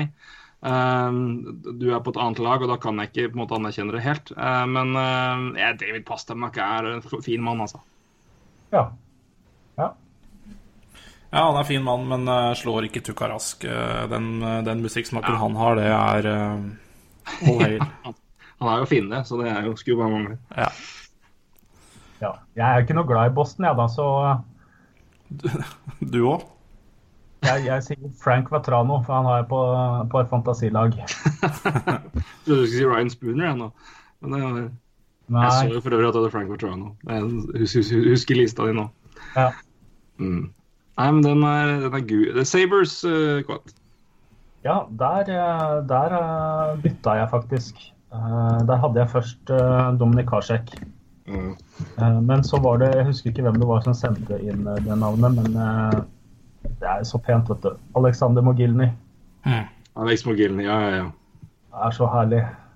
Det var, det var vingen sin, det. ja. Strålende spiller. korrekt. 55 mål en sesong. 76, eh, 76 hadde han en sesong, da. 76 mål. Mogilny var helt tullete på tidlig 90-tall. Det var helt uh, sjukt hvor god han var, uh, rett og slett. Så det er eh, Nei, det er, det er ikke noe dårlig valg. Han var morsom å se på også, syns jeg. Eh, Ja. Skikkelig rask i det skuddet. Eh, apropos skudd, så dere skuddet til Jordan Nolan i går for Kings på, på første mål deres? Nei. Det var skikkelig kanon. vet du. Eh, gikk vel via Lundqvist opp i, opp i krysset. Men eh, sånn, sånn skjøt Mogilny hele tiden. Jeg, kommer tilbake til skudd eh, helt, helt på tampen her, men da snakker vi også kanon. Eh, ja, jeg kan ta Jeg får ta russ, russerving light da, i Buffalo Sabres. Jeg, har jo, jeg kunne jo altså Jeg skulle gjerne sagt Harsek, men jeg har ikke noe spesielt forhold til han i Sabres, fordi det er, det er for tidlig for meg med tanke på når jeg har begynt å følge med og se jevnlig på NHL. Mm. Um, og jeg har jo Så jeg har Men den spilleren jeg derimot har et, et, et lite forhold til fra Sabres, som jeg har litt forhold til. For det er sånn eh, lag som spiller jeg liker, men som jeg på en måte aldri helt Det er ikke noe, det er ikke noe tett tette bånd. Det er Maxima Finogenov, altså. Mm. Ja. Han var meg en highlight reel av en spiller uh, i noen år. Og en utrolig god mann å plukke opp på NHL 2000-2002 rundt der. Så han var fast inventar på Bakkes, Bakkes lag og uh, har ett av, et av de kuleste måla jeg har sett uh, hva gjelder piruett uh, i NHL. Slår ikke helt Valeri Kaminski, eh, som også var en kjempeinnspill på en liste, så jeg, fra, på, på Colorado Avalanche Mm. Det laget der, til første Stanley Cup-laget til Avalanche, der er det mye bra. men, eh, men Maxima Finogenov han er en liten personlig favoritt. altså. Utrolig underholdende spiller. Kjempeunderholdende spiller. Ja. Sikkert et helvete å coache, men gud bedre så morsom å se på. Bra valg, eh, gutter. Ehm, så da hopper vi elegant over til mitt. Ehm, også slutten av 90, starten av 2000-tallet. Han spilte jo ikke så veldig mange sesonger der. Uh, litt pga. Uh, navn, og prestasjonene var jo heller ikke dårlige. Det er altså da slovakken Miroslav Shatan. ja. Yep. Han var jo en kjempespiller òg. Det Og ikke minst. korrekt. Og hadde vel hadde han en sesong i Penguins også, tro. Uh, han hadde Ja. vel, husker han også i Islanders. Uh, men Bruins var han nå. Ja, det var han også. Ja. Han dansa litt rundt på slutten, gjorde han ikke det? Han gjorde det. Han gjorde det. Og var, da, var vel general manager for Team Europa i år, eh, hvis jeg ikke husker. eh, riv ruskende gærent. Det var han. som var, eh, Han og jeg har stått og intervjuet i Madison Square Garden, vet du. Har du det? Men da, neste gang du gjør det, kan du hilse da, vet, du, og si at han er en stor favoritt. Ja. Men eh, vi, vi, vi snakka jo om, eh, om det laget her, og om, om, om Buffalo Sabres. Jeg, jeg vil bare, for de som har liksom et, en viss erindring av NHL fra liksom 99-2000, som på en måte kan gå liksom, og se på et lag og se liksom, hvilke som har liksom, en peiling på sirkusstandard på det laget her. Bare gå og se på laget til Buffalo Sabres fra 1999, og tenk på at det laget her kom til Stanley Cup-finale. Jeg lo høyt. Det skal ikke være mulig. Og så blar du ned og ser at Dominik Karsek på 64 kamper hadde 93,7 redningsprosent i Ja. regular season. Han var rå. Han var ute av en annen verden, da. Så Ja, det var Han var uh, Han holdt på å vinne den cupen her helt fuckings alene. Det er, eh, det er helt tullete. Det går ikke an. Men Shatan hadde 40 mål det året. Det får vi ta med. Apropos Shatan og valget ditt. eh, kjempespiller, altså. Han var veldig veldig bra. Kjempe, liker det valget veldig godt. Eh, nåtidens Buffalo Sabres, da du? Ja, eh, eh, Først så vil jeg bare skyte inn at min egentlige favoritt i Buffalo gjennom tidene er Pat LaFontaine. Det er en av mine store favorittspillere noensinne, eh, uansett klubb. Eh, Men eh, jeg finner ikke noe å like i Islanders, så jeg dyttet han over på Islanders for å få plass til McGinley. Ja, lov, det. Ja. På, på Jeg, jeg skal gi deg noe like etterpå. Jeg skal gi deg noe like etterpå. Ja. Eh, på nå, av nåværende spillere så er det ikke så mye å like, syns jeg. egentlig. Jeg har ikke noe spesielt forhold til Jack Eichel eller Rasmus Ristolainen eller noe sånt, så, så jeg valgte meg Jake McCabe. Jake McCabe. Gi litt kjærlighet til en ung bekk som, eh, som ikke er så gæren.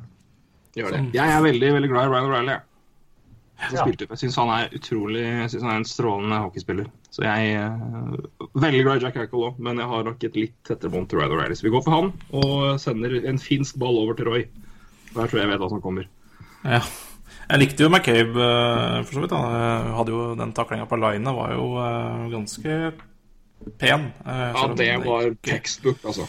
Men, eh, men jeg har veldig Altså, det er noe med finner og bekker. Det kommer du til å skjønne i løpet av lista mi. Eh, Så det er Ristolainen, altså. Ja. Ja. Enkelt og greit. Han Eh, Mye når du ser Buffalo.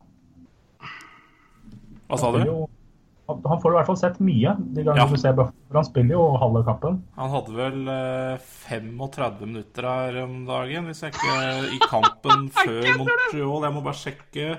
Han hadde det. Mot Detroit spilte han 35 minutter. I alle Og dager. det var vel pga. en skade, vel. Uh, var det McCabe? Uh, Eh, håpe. Spilte med fem backer eh, nesten hele kampen. ja, så 35 minutter på Ristolainen, altså. I, og da var, skulle han da spille dagen etter i Montreal, så han, han kjente det nok, men de vant, så det Ja, nei, eh, fin type, på det. Calgary Flames uh, For at Ja, Flames og der, der landet jeg på den første lille spilleren jeg eh, fikk sansen for. Jeg, eh, det er vel ganske kjent at jeg liker små spillere som er teknisk gode. Eh, så jeg landet på Theo Fleury. Kan jeg bare si at jeg er enig. Så Ja, jeg er eh, jeg, jeg, jeg, måtte, jeg hadde det først, og så har jeg tenkt på det. om. Jeg, jeg gir vel den til han. Det er liksom han eller Mikael Kiprosov. Jeg er veldig glad i Kiprosov. Uh, men uh, Theo Fleury var Jeg må nesten inn til han. Jeg må si meg enig i det. Men hørte du, har du hørt uh, Lightning-podkasten vår? Kvart? Eh, ja, jeg har hørt eh, halve, tror jeg. jeg Ja, for der kom vi jeg, var inn, litt toucha litt innpå det. For jeg har altså for Det har vært veldig mye snakk om Martin St. Louis og på en måte posisjonen og hans liksom, ikoniske rolle som liksom, første, som den lille spilleren han var. Men jeg synes jo det er liksom Det snakkes mye om det, men jeg synes, man glemmer jo litt Theo Fleury, syns jeg. Når vi snakker om det. Theo Fleury var jo nesten en Han brøt jo gjennom nesten gjennom alt. Han var jo fullstendig Han var jo i, i hvert fall en null-oddser. Det var jo helt sjanseløst, men han var jo gørande sko. Ja, Fantastisk, til og med, i perioder. ja, han var det. Eh, jeg har egentlig ikke Når ble du, får vi si. Jeg tror aldri jeg har sett på St. Louis som den første, altså. Men han er, han er selvfølgelig et veldig fint eksempel, fordi alle kjenner han så godt. Men, eh, men Fleury var eh, i hvert fall den Det er den eldste jeg kan huske. Mm. Som en liten spiller som, som virkelig har eh, Og han, han var jo veldig fysisk også, vet du. Mm. Uredd. Eh, litt sånn Brad Marchand-type, bare bedre. Ja, han var eh, fantastisk god. Og havna jo i New York i slutten av karrieren, han òg, men det var med du, du, si, mindre hell og mer alkohol. Jeg må bare si det. Den eh, 2001-2002-sesongen i Rangers hadde han 216 utvisningsminutter. Det Du kødder! Nei. Eh, 1,68, altså. Da, da er du på høyde med meg, og det, det, det må jeg jo synes er helt fantastisk. Noen må jo ha skrevet en tittel med Napoleon-kompleks. Det er jo et eller annet Det må ha dukka opp. Og så må, og så må folkens eh, må gå inn og søke på uh, Theorem og country, for han driver altså da synger country nå. Så, er det, så må man også gå og søke Theo Fleury og se OT Celebration. Det er den beste målføringa noensinne i hele NHL-historien, og det står jeg på. Det, det, er, det er idrettsglede oppsummert i fem sekunder. Det er helt. Fantastisk, altså. Ja, Eh, men nydelig mann. Dagens sesongen sin. Hm? Han vant jo Stanley Cup første sesongen sin. Ja, han gjorde det. Han var, var ikke ganske god i sluttspillet òg, gitt. Jo, var det. Gjorde 11 poeng på 22 kamper. Det er ikke dumt som rookie. Da 89. Ja, 1989. Det var et, eh, det var et greit lag, det òg. Ja, det var det. det, var det. Ganske bra spillere på det laget. Litt glemt, skvisa inn mellom eh, Penguins og Oilers og i det hele tatt, men uh, fytti katta for et lag. Hele 80-talls Flames er jo helt Ja. De hadde lag. Melton, Gan Loob, Doug Gilmore, Joe Newendike, Al McInnes, Gary Suter, Ichi Herdina, Gary Roberts, Theo Fleury Det var bra saker der. Mike Vernon i mål. Det er helt vilt, det laget der. Lenny McDonald var der, ikke minst. Ja. Det er helt spinnvilt. Men det var da. Nå får vi se på nå, da. ja. Er det tre Johnny Hockey, eller? Hvem eh, Ja. eh, Det er, Dere kan ikke spørre meg hvem som er favoritten min i Calgary nå. Det, det sier seg sjøl at det er Johnny Hockey. Han er jo favoritten min. eh,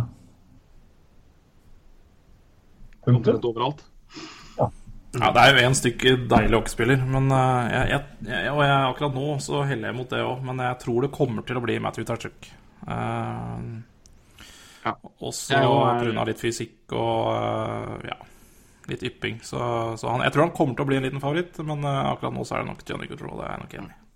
Sønnen til far siden, med andre ord. Jeg, Johnny Gaudreau eh, foran eh, Mark Giordano. Jeg syns han var en fantastisk fantastisk Ja. hockeyspiller. Ja. Så det. Um, ja, Carolina. Ja, Det er, der, også, det er vi også Hartford. bare vi får ta med, Vi har jo følger jo den at uh, eksempelvis så er jo da i, Når vi snakker om Arizona og, og, og Phoenix, så inkluderer jo det gamle Winnipeg Jets. Vi følger jo franchise-historien her, bare så det er sagt. ja.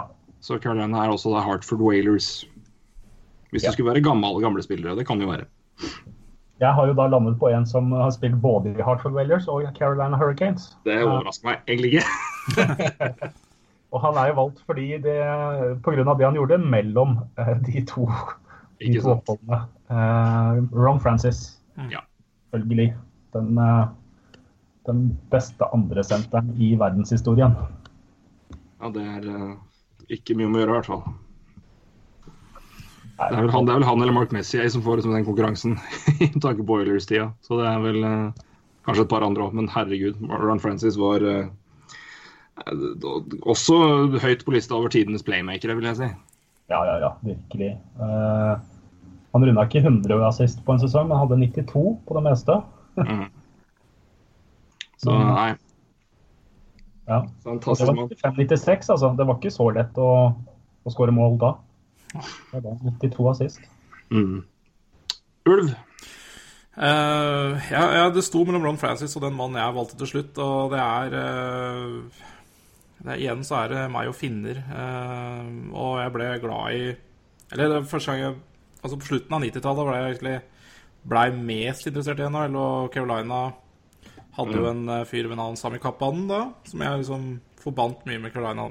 Jeg var jo glad i Finland, og, eller er glad i Finland. og så det, ble- ble Kappanen der, altså, men det var, ja, var 51-49 Ron Francis og han altså. det var det. Men eh, jeg landa på Kappanen.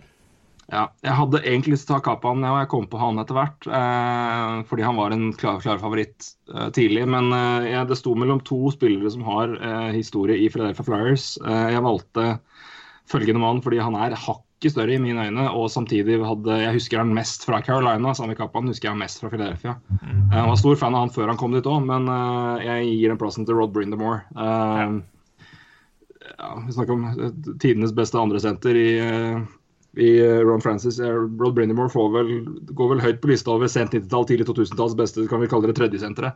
Absolutt. Vi kaller det checking centers. Fantastisk toveisspiller. Ja. Det er også et veldig godt valg, ja. ja.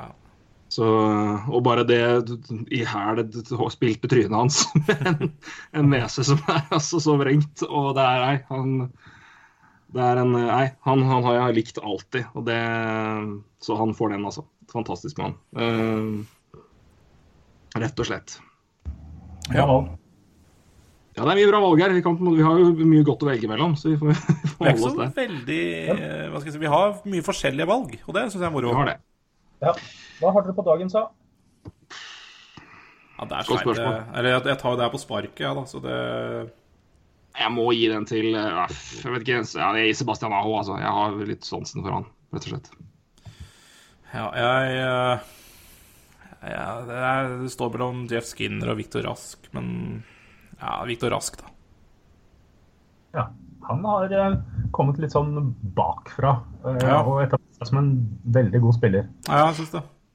Eh, kanskje ikke den mannen man skal ha Altså, Vi snakker om andre sentre. Han kler vel egentlig en kler vel egentlig å være best andre senter, og da vil han være veldig, en veldig god andre senter. Mm. Jeg liker han veldig godt. Ja. Jeg landa på uh, en back jeg har enormt stor tro på framover. En potensiell uh, Norris Trophy-vinner, Noah Hannifin. Ja. Den er, den er ikke dumt, det heller, altså. Nå er jeg spent, mine damer og herrer. Chicago Blackhawks. Ja, Kvatt. Jeg har eh, Duncan Keith. Han er alltid likt.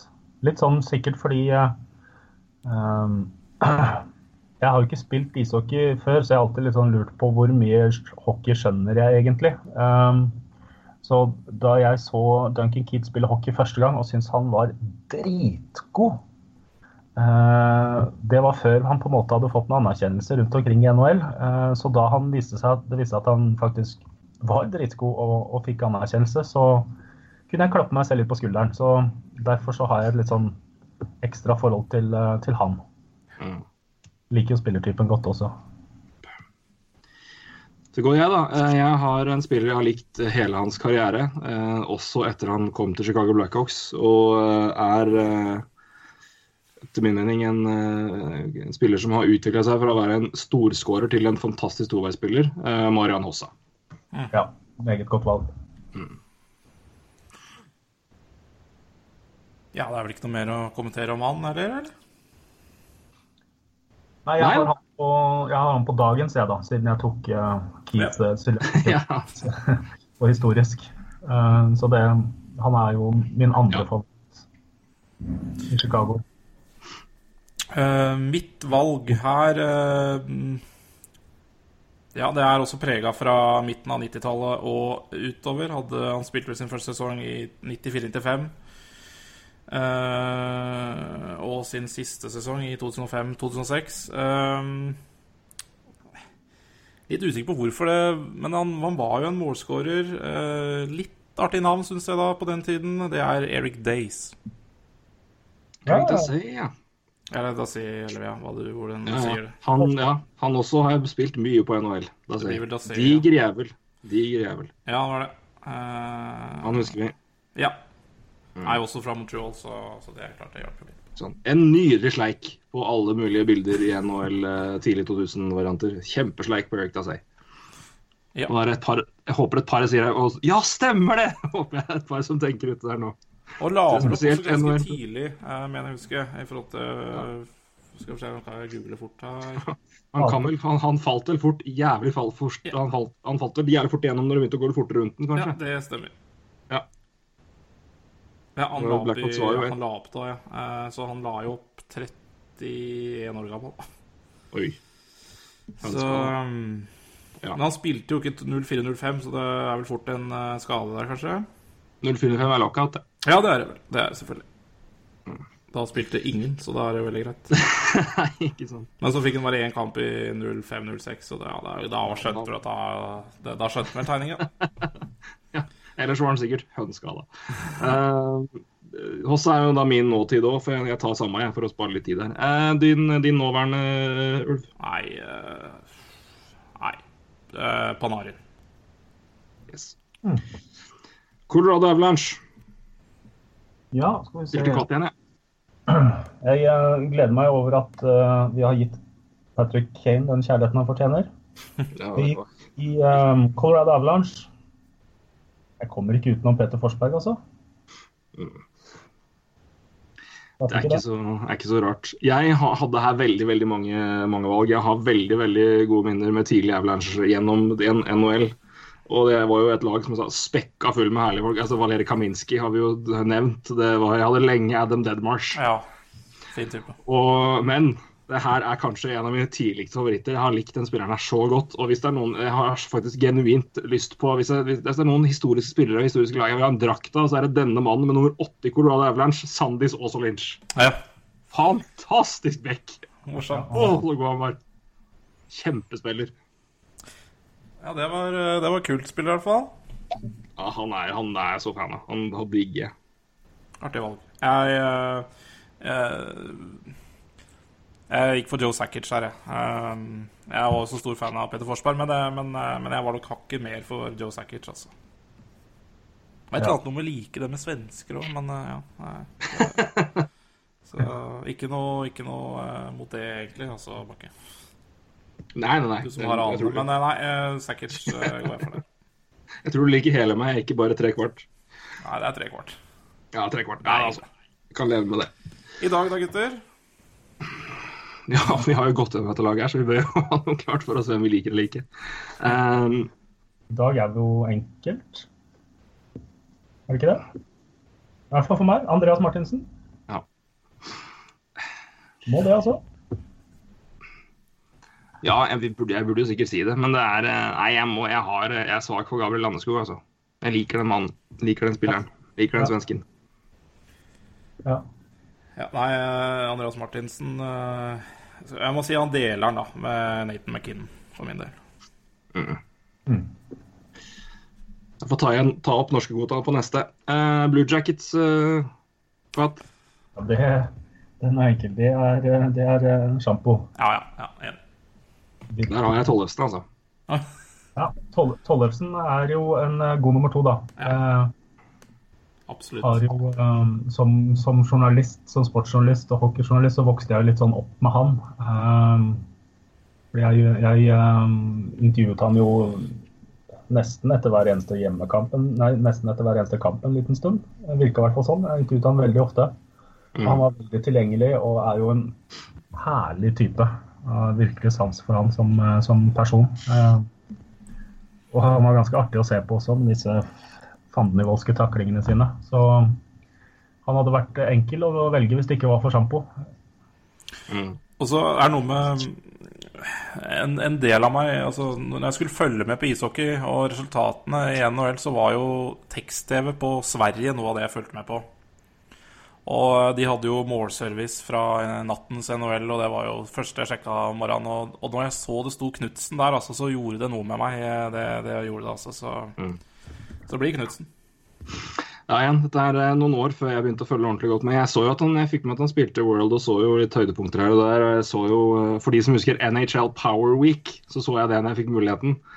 Eh, men det er først ja, rett altså 03-04-sesongen, når vi fikk Canal Pluss, da begynte jeg å se på. Det er, det er for sent for å ha sjampo. Jeg har jo ikke det nære forholdet til han i Blue Jackets som jeg har til Tollefsen. Og jeg har igjen alltid likt mannen, og det ble ikke noe mindre når han kom til Philly etter det. og det Min første, min første hjemmekamp noensinne i Philadelphia, så fikk Tollefsen sin eneste kamp med, over et, med mer enn ett poeng i en kamp. Han fikk to assist. Slåss med Trent Whitfield, slo ned isen og ble first star. Det var min første kamp i Philadelphia. Det er bra, det kaller jeg bra odds. Så det Tollefsen i Blue Jackets er mitt valg, altså. Ja, Ja, det er en herlig mann, så. Det Ja, det er det. støtter jeg. Nå, gutter.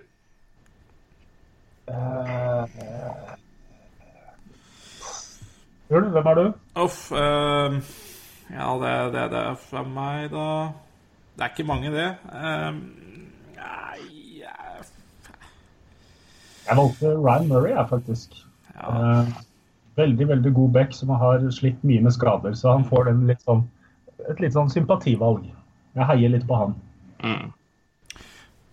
Nei, vet du Jeg, jeg har Jeg, jeg, jeg, jeg er Scott Hartnell. Scott Hart. Ja. Det er, det er altså ikke all verdens jeg har å like i det laget, egentlig. Eh, Men han Ja. Nei, jeg har det med å velge den på Fantasy òg. Har gjort det to år på rad. Og det leverer jo hits, da, og scorer litt og passer litt. Nei, så det, det Neida. er ikke Hartnell som er verdens å en, velge her, eh, altså. Så det blir Scott Har- Hartnell. Tartner Også litt på- Hm? Han hadde kommet høyt opp hos meg òg, men jeg, jeg, si, eliminerer han gjennom Flyers. eh, jeg, jeg prøver å se liksom, hva, hva har de gjort i klubben, og det er, der har jeg en liten fantasy-favoritt. Jeg har han jo der, men jeg syns også han er en utrolig spennende, spennende spiller. Og kjekk er han òg. Ja, Alexander. Wennberg. Ja. Alexander Wennberg.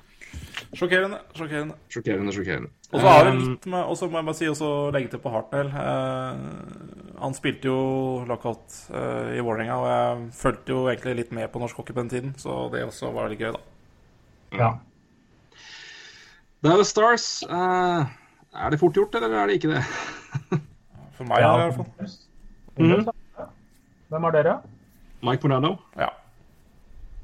Ja. Ja. Det er ikke jeg. Du, Jeg har eh, Sergej Subov. Um, Sergej Subov, ja, han er jo høyt opp, høyt opp. høyt opp. Ja.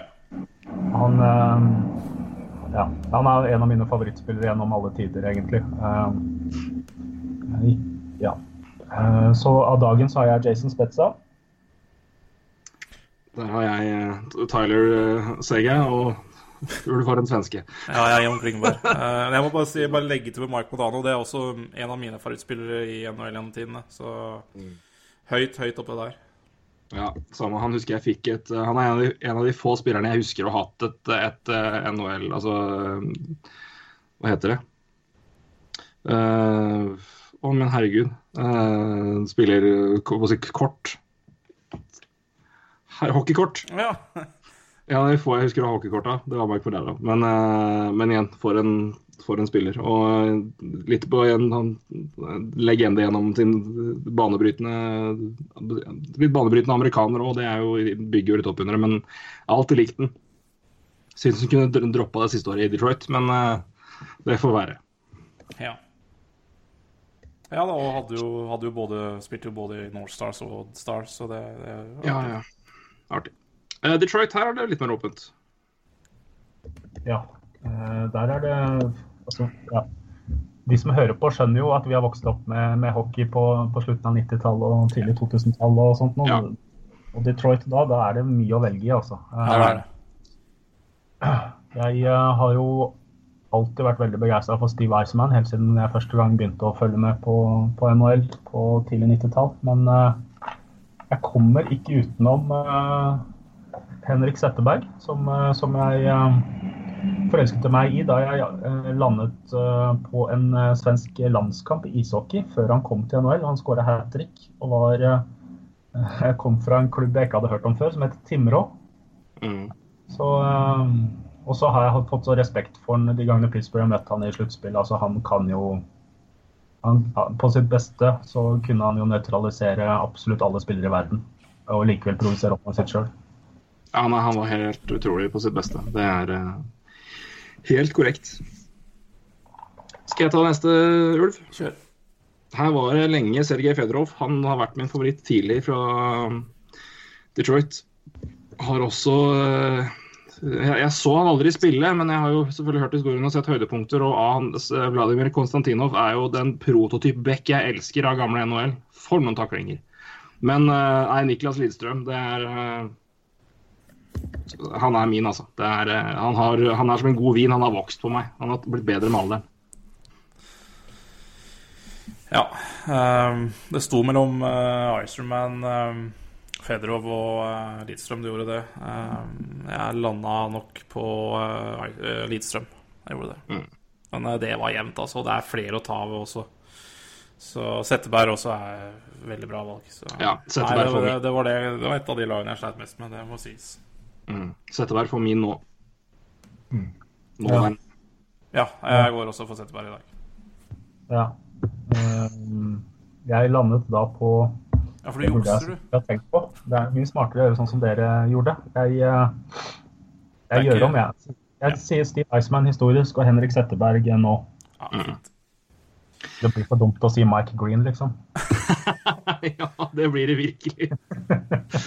uh, da er det Edmund Norwich. Her har jeg et så veldig rart valg, men jeg kan ikke la være å ta det. Men eh, Kvatt, vær så god. Nei, få høre. Du kan begynne, du, Bakke. Jeg, har jo, altså jeg er jo for ung til å ha noe forhold til liksom tidlige Oilers. og det er, Jeg har på en måte aldri helt fått altså det er klart at Jeg har blitt kjempefascinert av nye Oilers, men jeg har liksom ikke fått det der store, store kicket på liksom det på den, altså, funnet noen favoritter der. Men det årets lag jeg har et forhold til, som jeg virkelig heide på, det var laget som kom til Stanley Cup-finale i 2006. Som holdt nesten slo veien. Og hvem var det som var stjerna der, bortsett fra Chris Pronger? Det var Dwayne Rollison. Jeg var så Dwayne Rollison-fan! For en spiller. Så han er faktisk min favoritt Edmund Oiler all time. Han var så god i Edmund Oilers. Jeg var så glad i Dwayne Rollison. Kult. Og han er, det er fullstendig egentlig bane i kjerka å ha det all time der, men han, jeg var så glad i Dwayne Rollison i Edmund Oilers. Syns han var så god keeper. Så Hadde han du er min. Sa du katt? Hadde du klart å gjette det? Nei, nei, ikke, Det var liksom ikke, han, det var han eller Fernando Pisani, liksom. Så det var Pisani, ja. ja, ja, ja. Nei, nei, nei, det er kult valg igjen. Eh, det er det. Eh, skal jeg ta min, Ekvat? ja. Uh, her gikk jeg faktisk for en spiller eh, som jeg aldri har opplevd i den klubben her. Eh, eh, men eh, er jo da en finne. Eh, spilte jo i andre klubber, men nå har jeg begynt å følge med. Blant annet i Blues og Canucks og var vel en liten tur i Rangers. Capitals, ja. Eh, og har trent Frisk Asker. Og er, eh, heter Esa Tikkan. ja, den er fin. Jeg kom på en mann nå jeg må ta med som får dele plassen med Dwayne Rollison, og det er selvfølgelig Ryan Smith. Han burde at jeg ikke kom på det før, er helt ille, men han også. Men Dwayne Rollison må jeg beholde, for han var, han var legende for meg i noen år. Men Ryan Smith må jeg også ta med der. Jeg har eh, Paul Coffey, jeg, da, for å bare illustrere at jeg er en gammel mann. Eh, Men han, han har jo spilt for både Oilers og Penguins og Flyers, han, så det er eh, han har, Ja. spilt, han har spilt rundt, og han var også Jeg tror de kunne hatt en tilsvarende rekke som, eh, som Ray Bork hvis vi hadde gått gjennom Paul Coffey. Det var, eh, det Ja. det var noen poeng der òg. Han har vel eh, Jeg lurer på om han har rekorden for flest poeng av en bekk på en sesong? Jeg tror han har 142 poeng en sesong. Det skal ikke være mulig. Han spilte, Herregud. han spilte jo i heyday. eh, Ja, ja. Dette her er jo helt uh, Hadde ikke 142, eh, beklager. Men han hadde eh, tre sesonger på rad for Edmonton hvor han hadde først 40 mål og 126 poeng. Så hadde han 37 mål og 121 poeng. Og så hadde han 48 mål og 138 poeng. Gratulerer, da. 48 mål som back. 1985-86-sesongen. Han har, han har fem sesonger over 100 Ja, ja. poeng. Det hjelper når keeperne står i mål med pute på legga og danser jenka istedenfor å gå ned butterfly. Altså, men herregud. Ja. Vi, kan, vi kan jo gå til Detroit da, på 90-tallet, hvor, hvor det hadde snevra seg litt inn med, med målproduksjonen. Han hadde 77 poeng eh, på 80 kamper i 93-94. Året etter spilte han bare 45 kamper og gjorde 58 poeng. Og 95-96 hadde han 74 poeng på 76 kamper. Ja. Eh, så han klarte seg han eh, greit. Altså, han spilte jo Leverte greit i Philadelphia også, på tampen. ja da, tok vi dem til en Stanley Cup-finale. Hva med der, var det ikke det? 97? 97, ja. ja 17, poeng, 9, eh, 17 kamper, 9 poeng i sluttspillet. Så han, han var jo helt nydelig å se på. Altså, han, han fløy jo på Ja. isen. Mm. Eh, Bare det altså, Om man bare stryker alle mål og assist han noensinne har hatt, og bare ser på han skøyte, så er det underholdning nok. Så ja. Helt nydelig. Eh, nåværende er det vel eh, for min del et enkelt valg. Ja. Det er, det er uh, sjølveste Conor McDavid. ja. Noen må jo ha han. Uh, Ja. litt, jeg har Jordan Ebel, jeg, da. ja. Og jeg har Leon Dreisaitl, så Bra skrevet. Da Florida Panthers. Vi må prøve å rekke så du kommer deg til. FN. Du kommer deg på FN-møtet. Ja, det går ikke fort. Nei, det gjør ikke det. Det tar tid å gå gjennom laget her, men jeg håper jo at det er Vi er jo snart halvveis, eller vi er vel straks halvveis, så. Florida. Roberto Longo, enkelt. Ulv. Um, ja Florida er et av de lagene jeg har hatt Kjenner jeg har slitt mest med å engasjere meg så mye i. Men, men en som, jeg, som også er slutten av 90, starten av 2000, som jeg husker godt fra, mm, fra Florida Panthers, er da eh, Robert Svela. Robert Svela. Det er så bra valg. Det er så bra valg!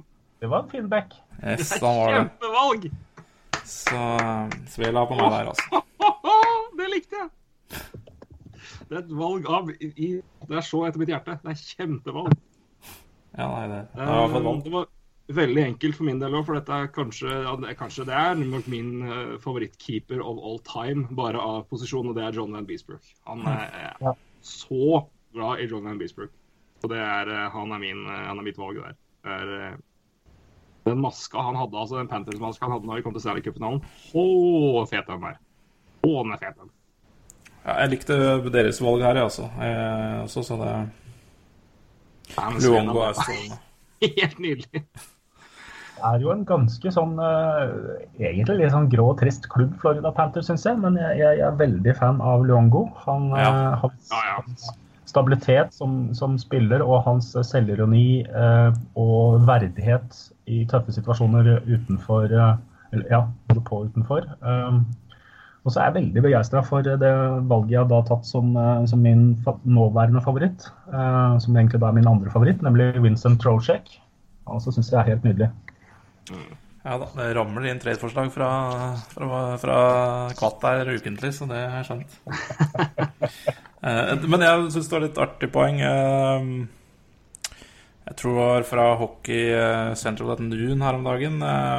Henrik Sedin skåra jo sitt tusende poeng. Eller skåra. Noterte seg for sitt tusende poeng, da. Eh, Han var jo et mål. Eh, og da var det jo et artig poeng at eh, hvor ofte er det du får skåre de tusende poeng på din tidligere kaptein? Det er Ja. ikke ofte. Det er faktisk et ganske Ja, det er, er, han må nok være den første og antakeligvis den eneste. Han kommer til å bli sist. Nå som ikke du får lov til å ha en keeper som kaptein engang, så men, men eh, apropos Luongo der, eh, også sånn som han har eh, bare bygd opp sitt image igjen også. Eh, strålende fyr, altså. Eh, eh, Syns jeg lukter, eh, lukter TSN eller Sportsnett på lang vei. Eh, kommer Ja, han nå blir bli- insideren, eh, tror jeg. Han blir, han, blir, han blir i hvert fall color commentator eller analyt, analysemann i studio. Det er mm. få, han inn i en, få han inn i NBC sammen med Keith Jones og Mike Milbury til helvete ut, så er vi fornøyde. Eh, jeg, nåværende, jeg må gi, jeg må, gi Luongo nåværende, ja. Uh, kjapt ja-nei-spørsmål. Jeg tror vel vi har stilt det til deg før, Ulv, men du kan henge deg på det òg. Hall of Fame Luongo, ja eller nei? Uh, det sant? Ja. Nei, Det er vanskelig for meg å svare på ja nei på det. Ja, kanskje. For meg er det et kategorisk ja. Jeg syns det, er han- det er vel fortjent. Men uh... Kvatt, hva tenker du? Um, hva er det han har vunnet internasjonalt? Han har OL To, to OL-gull. OL-gull. Ja. Ja. Det, det er jo eh, Jeg heller mot, heller mot ja, men jeg vil definitivt ikke bli fornærma hvis noen mener nei. Jeg er enig. Nei da, det er, et, det er en sånn ja, Men for min del, jeg mener jo at han er det. Men uh, han er ikke ferdig ennå, så vi får se. Og så var jeg også enig med Kvatt når det nådagens eh, Trotsjek, altså en favoritt her. Ja, jeg gir den til, gir den til Luongo.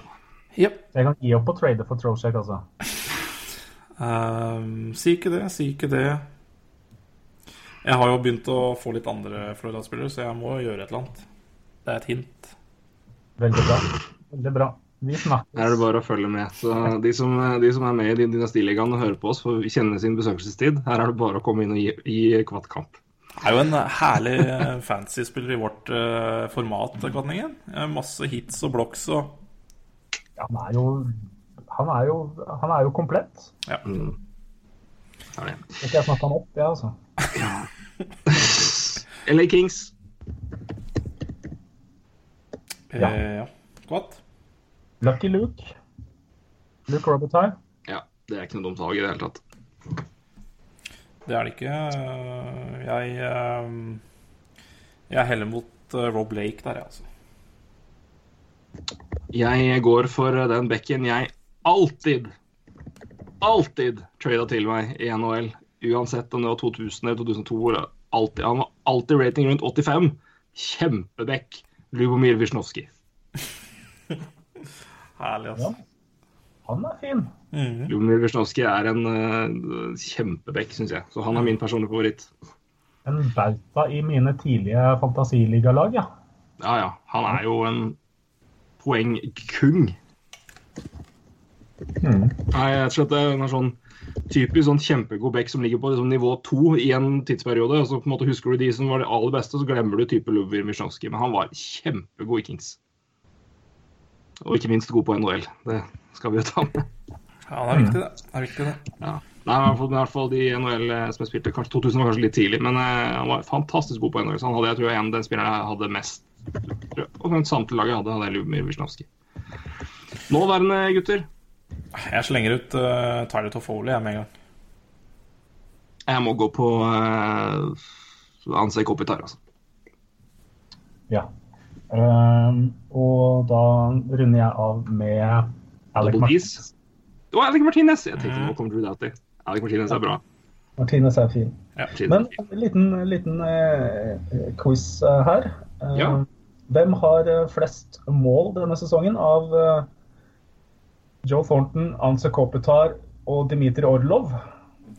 Dimitri Orlov. Kan det være Dimitri Orlov? Det er det er delt ledelse. Det er et ledelse Orlov og Thornton, da. For Kapp har jo ikke skåra en dritt. Uh, Thornton har bare tre mål. ikke sant? Så er enda mindre. Orlov og Kopitar har fire. Ja, det er helt vilt. Det er litt sånn artige hva skal jeg si, sammenligner ute og går der. Eh, nå er- gjelder jo ikke den lenger, men det er ikke så mange dagene siden eh, Teravainen hadde flere poeng enn Jonathan Taves også. Så det er eh, Det er mye Ja. morsomme litt sånne poenger ute. altså. Mm. Det er noen stjernespillere som ikke helt uh, leverer varene i år. Uh, Patrice Bergeron også, så Skal vi se hvem Tave spiller med først, eller skal vi For det er ikke bra, ass. Nei, men uh... Han har ikke hatt gode rekkekamerater nå. Det er han, han får merke mest at det er tynt i, i Hawks for tida. Så det er uff a meg. Stakkars Ja. mann. Ja ja, han har, han har tre, tre ringer og masse, masse penger, så det er ikke så, det er ikke så synd på han. Nei, nei, herregud. Det her synes jeg var litt mer ekkel, men Minnesota Wild Ja, ja, i, der, Der har jeg samme spiller i dag, holdt jeg på å si. Det er veldig lite Ja. Og det er Og Charlie Coyle. Å ja. Ser vi, ikke? Ja, det er fordi jeg har rett og slett ikke Nei, jeg, Jeg har liksom ikke det noe for forhold lenger bak der, egentlig. Og Charlie Coyle jeg synes jeg er helt nydelig nå. Så det, Ja, tidlig tidlig i forhold til Marian Gabrick når han kom inn i Wild som Ja. ung spiller. Derfor, derfor jeg har det. Har, eh, jeg prøvde virkelig å grave fram et dypt, en dyp bånd til Brian Rolston, men det klarte jeg ikke. Så da uh, det, var, det var vanskelig, det, gitt. Så det må gå til uh, Marian Gabrick sjøl. Men altså, Andrew Burnett er jo en fin mann. Uh, Ja. men uh, Gabrick Fine, fine navn her. Eh, For meg er det åpenbart eh, Gabrick. Um, mm. han, eh, han er jo en skygge av seg sjøl nå, da. Eh, basically nesten som man kan si at karrieren hans i praksis er over. Men, uh, men han var jo uh, helt nydelig å se på. For, for oss som savnet Pavel Bure, så var det veldig deilig at Gabrick kom inn. Mm. Absolutt. Eh, du hadde Coil nå òg, ja. Min favoritt my favoritt nå Det er jo vanskelig å si, men eh, ja, det er Ryan Suter, altså. Jeg liker den mannen. eh, han er sånn Jeg glemmer liksom at han fins iblant, for han er så anonym. eh, for du tenker aldri på han, for han gjør aldri feil. Han er bare ikke så spektakulær, han bare gjør så mye bra. Så det er Ryan Suter får min eh, trofaste stemme. Ja, ja jeg uh, sliter med Minnesota, som jeg syns er uh, De har historisk sett vært et veldig kjedelig lag, egentlig, med unntak av Gabriel. Um, så landet på en spiller som jeg hadde veldig tro på en stund, som jeg for så vidt har gitt opp, men uh, Chris Stewart. Ja. Alltid likt ham av en eller annen grunn. Det kan jo egentlig ikke forsvares lenger, men uh... no. nei, men det er, noe, det, er, det er liksom noen man bare har et forhold til, eh, på en eller annen måte. Så ja. morsomt. ja. Da går vi til uh, Le Club eh, Hva er det? Klubb hockey. Le Club Hockey de Canadien. Mm. Ja, kult. Ja, jeg kan eh, Den er jo veldig enkel. Det er uh, Saku Ja, Kovu er min favoritt gjennom tidene, og i dag så er det Alex Galsjenuk. Ja. Koivu Ja, eh, den eh, første ikke-amerikanske eller nordamerikanske kaptein eh, Ja, finne. Han hadde det meste.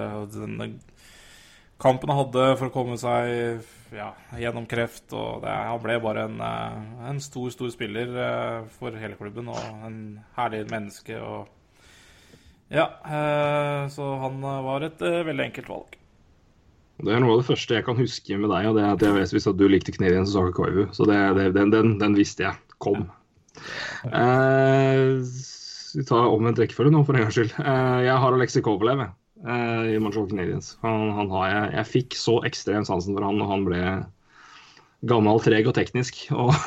Og, og helt ellevill å se på.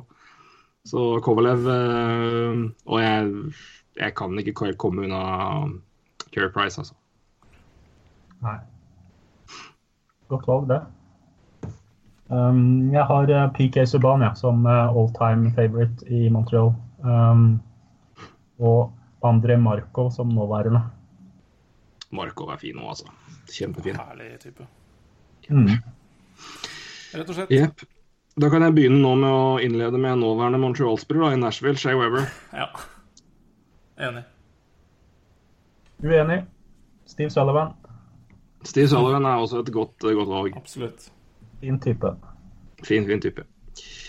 Uh, og nåværende, det må bli PK. Nesten. Ja, ja, ja. Herregud. Få det Ja. på. Men uh, siden jeg har tatt han allerede, så, uh, så tar jeg mitt andre valg der. Uh, Viktor Arvidsson. Men Ja. Er selvfølgelig førstevalg. Nå, Deilig. så skal det også bli spennende. Men her er jeg, åh, her er jeg fornøyd, altså, med mitt valg. Du New. Jersey Devils. Hvis du er så fornøyd, så må du ha det samme som meg. For jeg er også kjempefornøyd med mitt valg i New Jersey. Det er Scott Niedermayer. Scott Niedermeyer. ja, det er ikke noe dumt. Det er kjempevalg. Han er en fantastisk spiller. Men jeg er eh, Jeg har eh, Det er litt eh, Samuel Paulson-effekten her. Jeg er veldig glad i spillere av Rod Brindamore.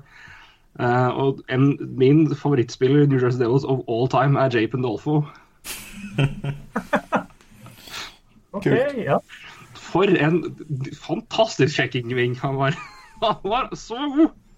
Ja. Tredje men, men altså, jeg husker ikke Jo, det var eh, Sergej, John Madden, Sergej Brylin og Jay Pandolfo. Du kan jo klage over Devils defensivt, men fy fader så god de var. Ja. John Madden nå er høyt der, altså.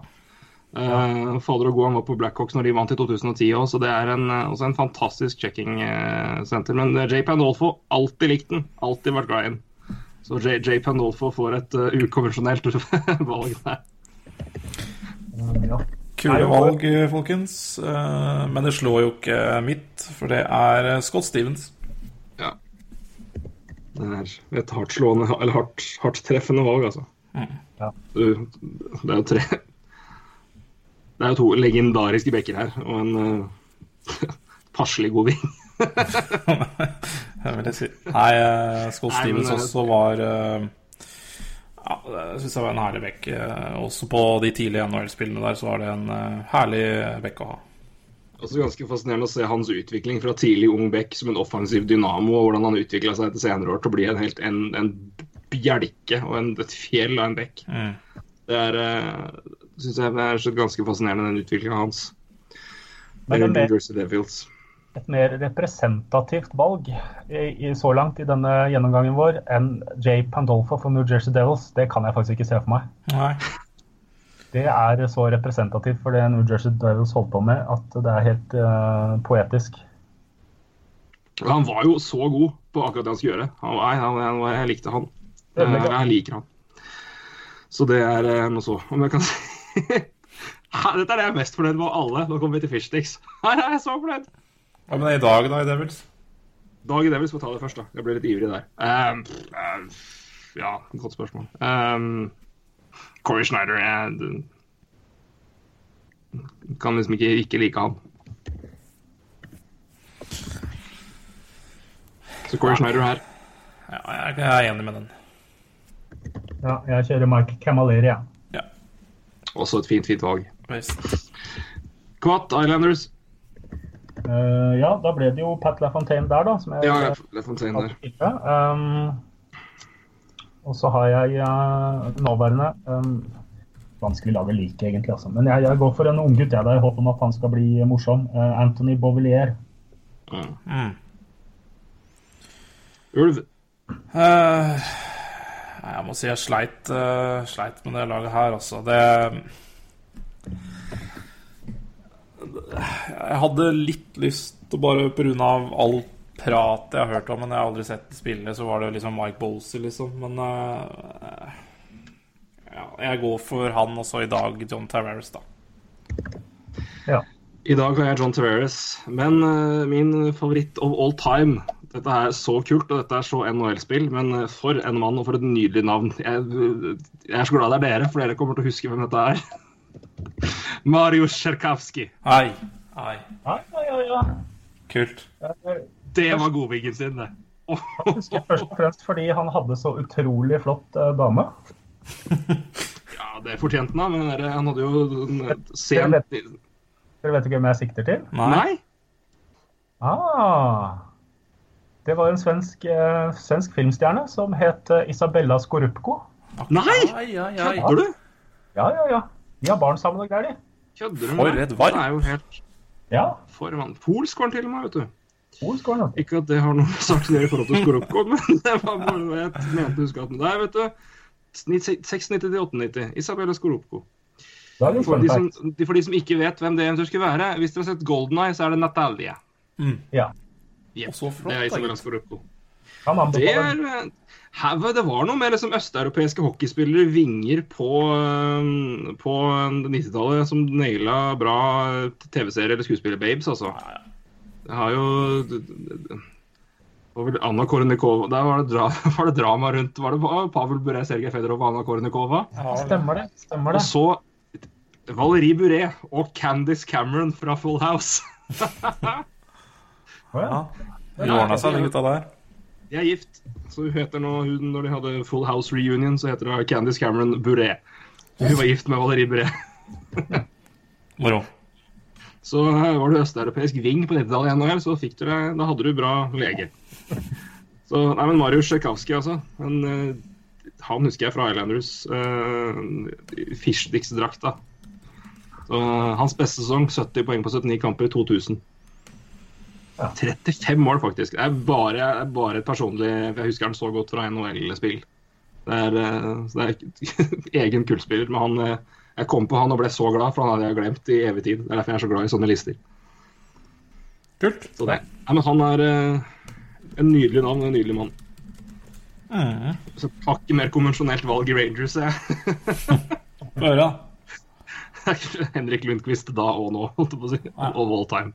Det er ikke, det er ikke, det er ikke, det er ikke, det er ikke noe tvil engang, for min del. Du da, Katt?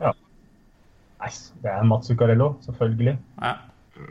Jeg, han er jo både en spillertype jeg alltid liker. altså Johnny Godreau altså Dere hører jo på lista mi at jeg liker den spillertypen. Eh, I tillegg så er det jo fryktelig gøy at det er en eh, nordmann som er så god at han eh, er på nippet til å spille Allstar-kamp. Eh, kunne fint ha blitt tatt ut i fjor hvis det ikke var for at eh, at de måtte velge Ryan McDonagh siden de andre lagene ikke hadde noen gode backer. Um, kunne han fint vært med i fjor, litt lenger unna i år, men uh, det er åpenbart for meg i hvert fall. Og det er all time òg, eller? Uh, ja, det er all time. Uh, så eh, kunne jeg selvfølgelig hatt han som nå, og så funnet et eller annet eh, klassenavn eh, historisk. Men jeg har valgt å gå motsatt vei, sånn at jeg kan skvise inn eh, eh, Sånn at jeg kan skvise inn Brandon Pirry som nåværende favoritt. Den er god. Han er jo ikke så veldig god, men fader for et skudd han har. Ja. ja. releasen hans er helt nydelig.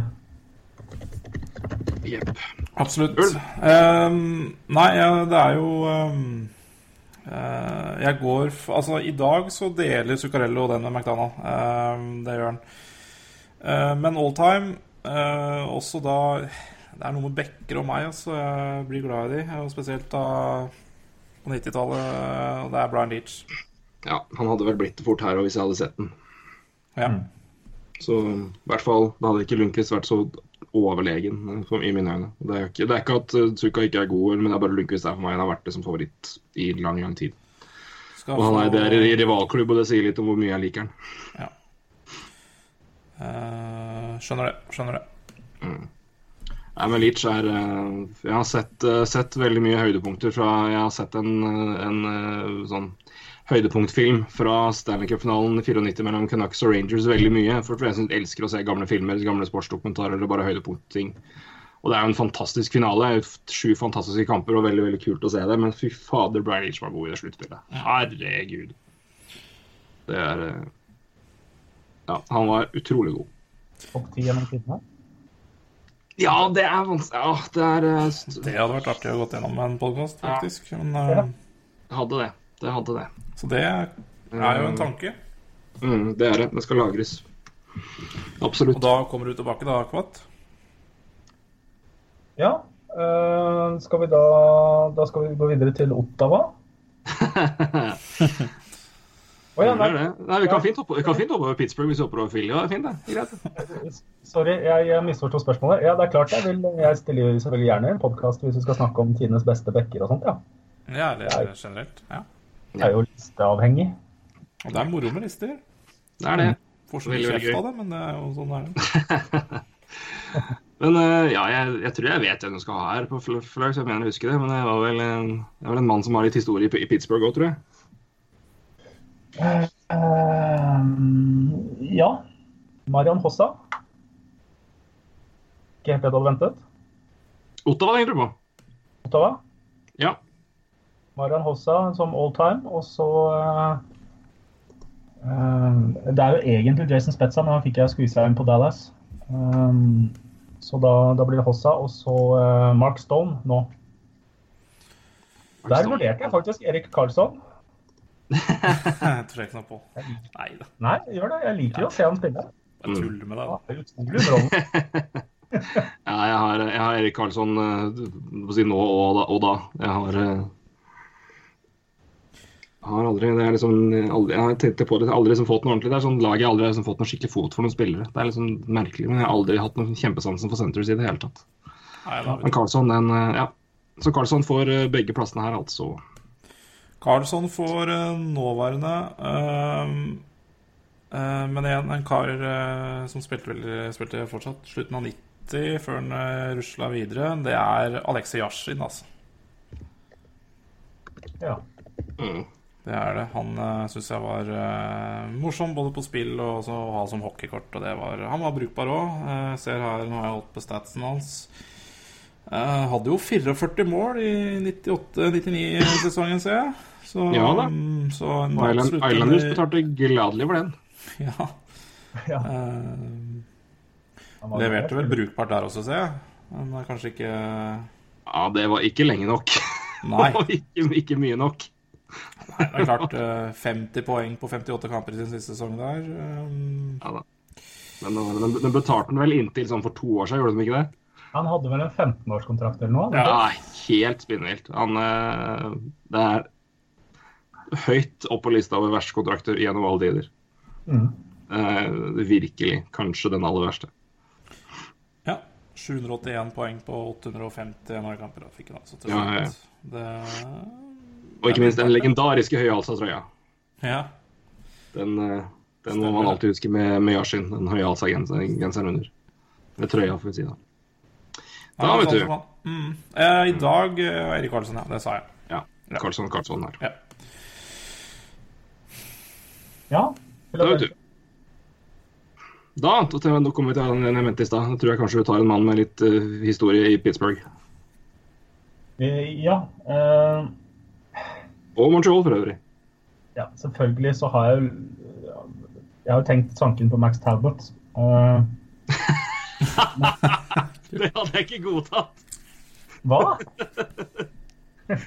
Altfor liten fartstid.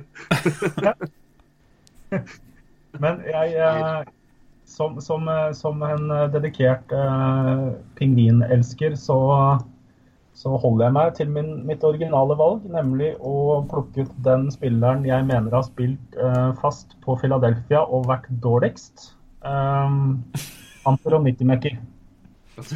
Ja, ja, ja, stemmer det. Du hadde han, ja. Stemmer det. Du hadde Han har 90 mest skade for Philadelphia sånn over tid eh, totalt sett, uh, satser jeg på. Ja, jeg tror nok du kunne fint valgt uh, Kyle Calder. Um, kunne du hatt der. Uh, Freddie Meyer kunne du hatt der. uh, Nå, er det nivå, gutter. Ja, nå er nivå. Så det er høy, høy, høy, høyt nivå. Nei, men 90 merker, ja. Stemmer det. Flott. Jeg, tenkte, jeg, jeg mente du skulle, du skulle ha Mark noe med det. Kanskje, kanskje Ulv skal ha han, jeg vet ikke. Ja. Mark Rekke kunne jo for så vidt ha valgt, men, eh, men han Det er noe med det hva du forbinder spillere med her. Han, eh, Mark forbinder jeg også mye med Montreal. Han eh, Ja. vant jo Stanley Cup der. Um, gjorde han ikke det? Jo. Eh, Han var vel på det Nei, det var det vi snakket om. nei. Nei. nei. Han kom Han, var det. han ble, han ble trada for Leclerc og Desjardin, som var der. Så han ble trada høsten, høsten etterpå. Stemmer det. Um, men nei, Erik Lindros for meg, altså. Det er jo sånn umulig for meg egentlig å velge her, for det er, liksom, det er tre mann det står mellom. Det er Lindro som er den første, og grunnen til at jeg har holdt med Philadelphia. Og så er det Simone Garnier som var min, den første jeg på en måte så spille helt og fullt, og som ble min favoritt gjennom både NHL og det å se kampene der. Og så er det Mike Richards som kanskje er den største. Så hvis jeg må velge én, så er det nok kanskje Simone Garnier, altså. Men det er, det er som å velge mellom én av tre barn. Hva, hva favoritter angår. Men Simone Garnier får, får den. Han er min favoritt og gjennom alle tider. Å, fin han, altså. Simon Garnier var en fantastisk wing, Mm. Ja.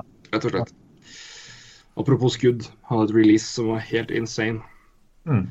Så det, og nåværende så eh, Ja, jeg kommer ikke unna Claude Giroux, altså. Han er morsom. Morsom. Ja. Jeg har jo valgt å være litt sånn seriøs på nåværende. Jeg, jeg har, har litt eh, sans for eh, Jean Couturier. Mm. Ja, du ser jo alltid det beste av han, så det er liksom greit. Ja, Han er jo alltid best mot Malkin. Så det er han er det. Så jeg har fått litt respekt for han. Jeg slenger meg på kvatt der, altså. Eh, Det gjør det. Selv om jeg også har veldig sans for Braden Chan. Eller ja, veldig. Ja. Jeg har mer sans for Couturier, da. Jeg begynner med Penguin Penguins, jeg, og jeg har uh, valgt en litt annen måte. Jeg valgte Jarmir Jager, så det Der hører du, Ja. der hører du meg. Men det er vel litt, det er vel litt uansett òg. Jager er jo har jo alltid Ja. vært litt favoritt. Du er bedre menneske enn meg, du, rett og slett. Det har det vel aldri vært noe tvil om, holdt jeg på å si. Såpass. Litt mormon. altså. Eh, Hvem har du, Ulv? Um, nei, eh, det er vanskelig å komme utenfor Jager der også. Det er det. Så for meg også er det Jager. Ja. Skal vi ta den over nå, eller før vi spiller den over til deg? For der eh, Ja, gjør det. må jeg, må, jeg må si Phil Kessel, altså. Ja. Um, uh, meg, ja, det blir Malkin for meg, altså. Ja. Det blir det. ja. Uh, Jeg må jo bare fortelle dere hvor lett det er å unngå Jager ved å si Mario, selvfølgelig. Mario Lemieux. Ja. Um, nåværende så det er, Jeg har lyst til å si Sidney Crosby, men han er jo så kjedelig. Er fantastisk uh, morsom på isen, uh, men jeg må si Malkin, altså. Den siste avhopperen. Han fikk Mm. Deilig hockeyspiller, altså. Ja, Ja. Sidney Crosby, ja, men han er, Det er sant. Altså, han er, jeg tenkte, jeg kom på noe, jeg tror beste sammenligningen jeg på en måte kan gjøre med han av isen, er han er på en måte en sånn, han er en, han er en ullvest utenfor isen. mm, så spennende. han er altså, ja, han er eh, Men han er jo akkurat det. Han, han er produktet av medietrening fra 13 års alder, når folk skjønner at oi, så god blir du. ja. Så eh, han har Sånn som eh, Conor McDavid har, med andre ord. Ja, det er helt korrekt. ja. Sånn er det i Canada. Yes. Uh, ja, da er vi vel på San Jose, da. Mm. Kvatt, du får begynne der, du. Ja, eh, jeg har eh, Joe Thornton. Eh, og av nåværende spillere, da, så basically han jeg har på andreplass, Brent Burns. Mm. Alltid hatt veldig sans for Thornton. Eh, veldig, veldig god playmaker. For fantastisk playmaker. Det er Du kan selvfølgelig alltid ha diskusjoner med Crosby og og, og Thornton, men da om Crosby på en måte har vært råere på måten å spille på Jeg har, jeg har ikke sett noen slå så mange Hvordan i helvete så du han mannen komme der-pasninger som jeg har sett Joe Thornton? Eh, han er den spilleren jeg har sett med mest øya i nakken-faktor. Ja. Han har så kontroll på alt som Ja. skjer på isen hele tiden. Det er eh, En å se på. Så det er eh, Han er min så vidt nummer to. Han, var, eh, han er min nåværende favoritt. Han, eh, men jeg gir denne mannen her et, et, et, en tiendedel foran i, i score, og det er Evgenij Nabokov. Ja. Han var altså en så god keeper på sitt beste, og den den, den, den jeg har sett gjøre de altså En ting er liksom råeste, men Nabokov gjorde så jævlig pene redninger når han liksom først strakk seg ut. Han var så flott å se på. Ja. Og for en keeper på sitt beste. altså Herregud. Ja, han har jeg igjen ja. bøyer meg. Så Nabokov får den så vidt foran Thornton historisk sett. og Thornton får den nå med god glatt uh, foran egentlig alle. er ikke noe ikke tvil engang. Thornton er også kjempefan av Joe Thornton. Det har vi, han har vi snakka mye om. Cool. Ja, jeg er helt enig i Joe Thornton. Um, all time. Um, litt lokalt, Bakke. Veit du hvem Martin Bø er? Ja, selvfølgelig vet jeg Husker du hvem hvilken Martin er. drakt han eh, drev og fløy med? Å, nå spør du godt. Her snakker vi fra slutten av 90-tallet. Eh, du har 90-tallet. nevnt den før i dag. La meg gjette nummer 11. Ja, det, det Jeff Friesen? Jeff Friesen er riktig. Ja, Ja, jeg tenkte på Jeff Friesen, men han hadde vel ikke nummer 11. Han hadde kanskje Jo, han hadde det. Han hadde nummer 11. Ja, Ja, jeg ser bare han det er jeg ganske sikker på. på en annen drakt uh, fra Sharks på Eller han Elite 11 prospect, så- Ja.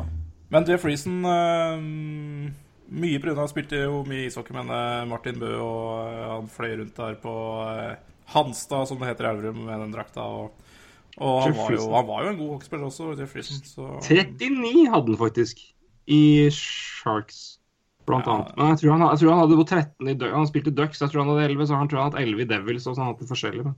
ja, 13 i Sharks også, så det, det er Ja, ja, han har hatt litt forskjellig. Så det er eh, 13 i Sharks og helt riktig.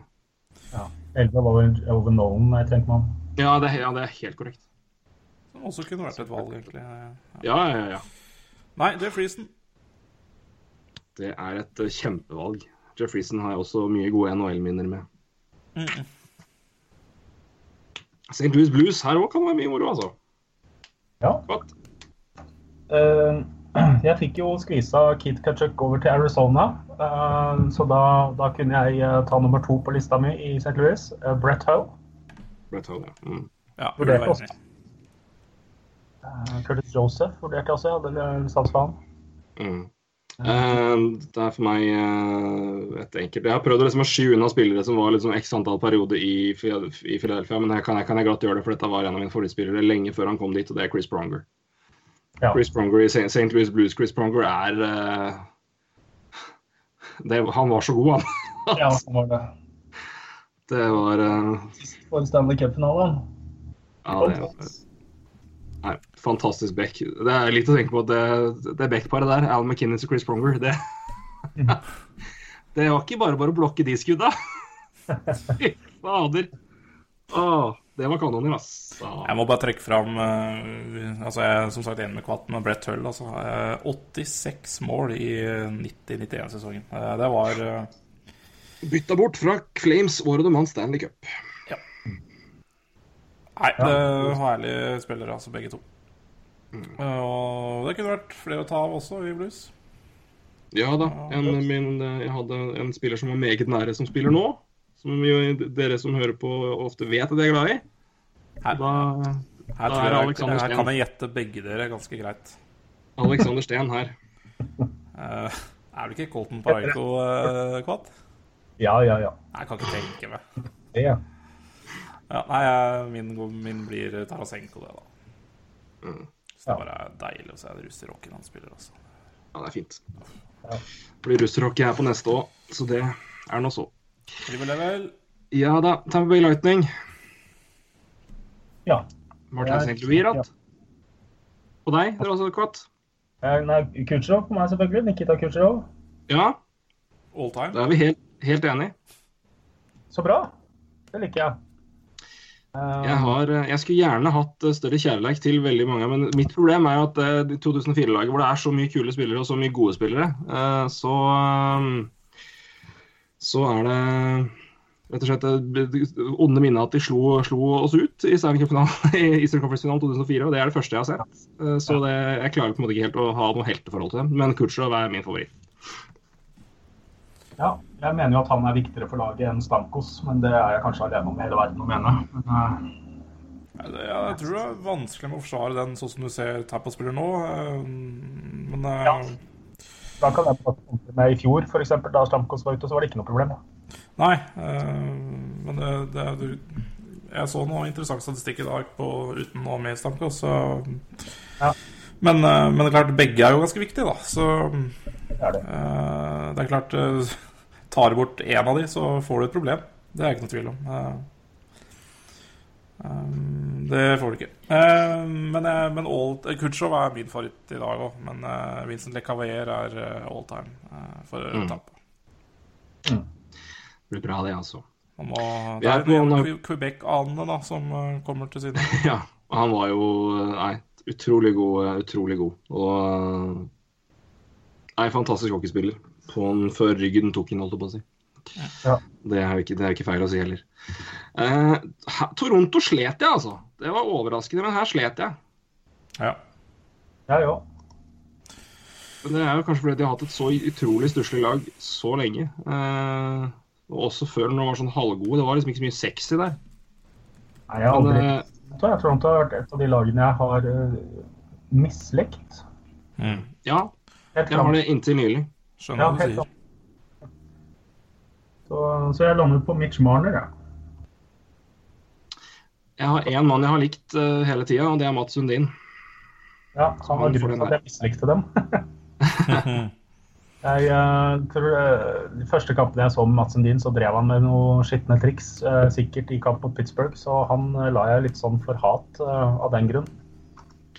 Derfor ble Toronto et lag jeg mislikte, og ja. Sånn går nå dagene. Ja.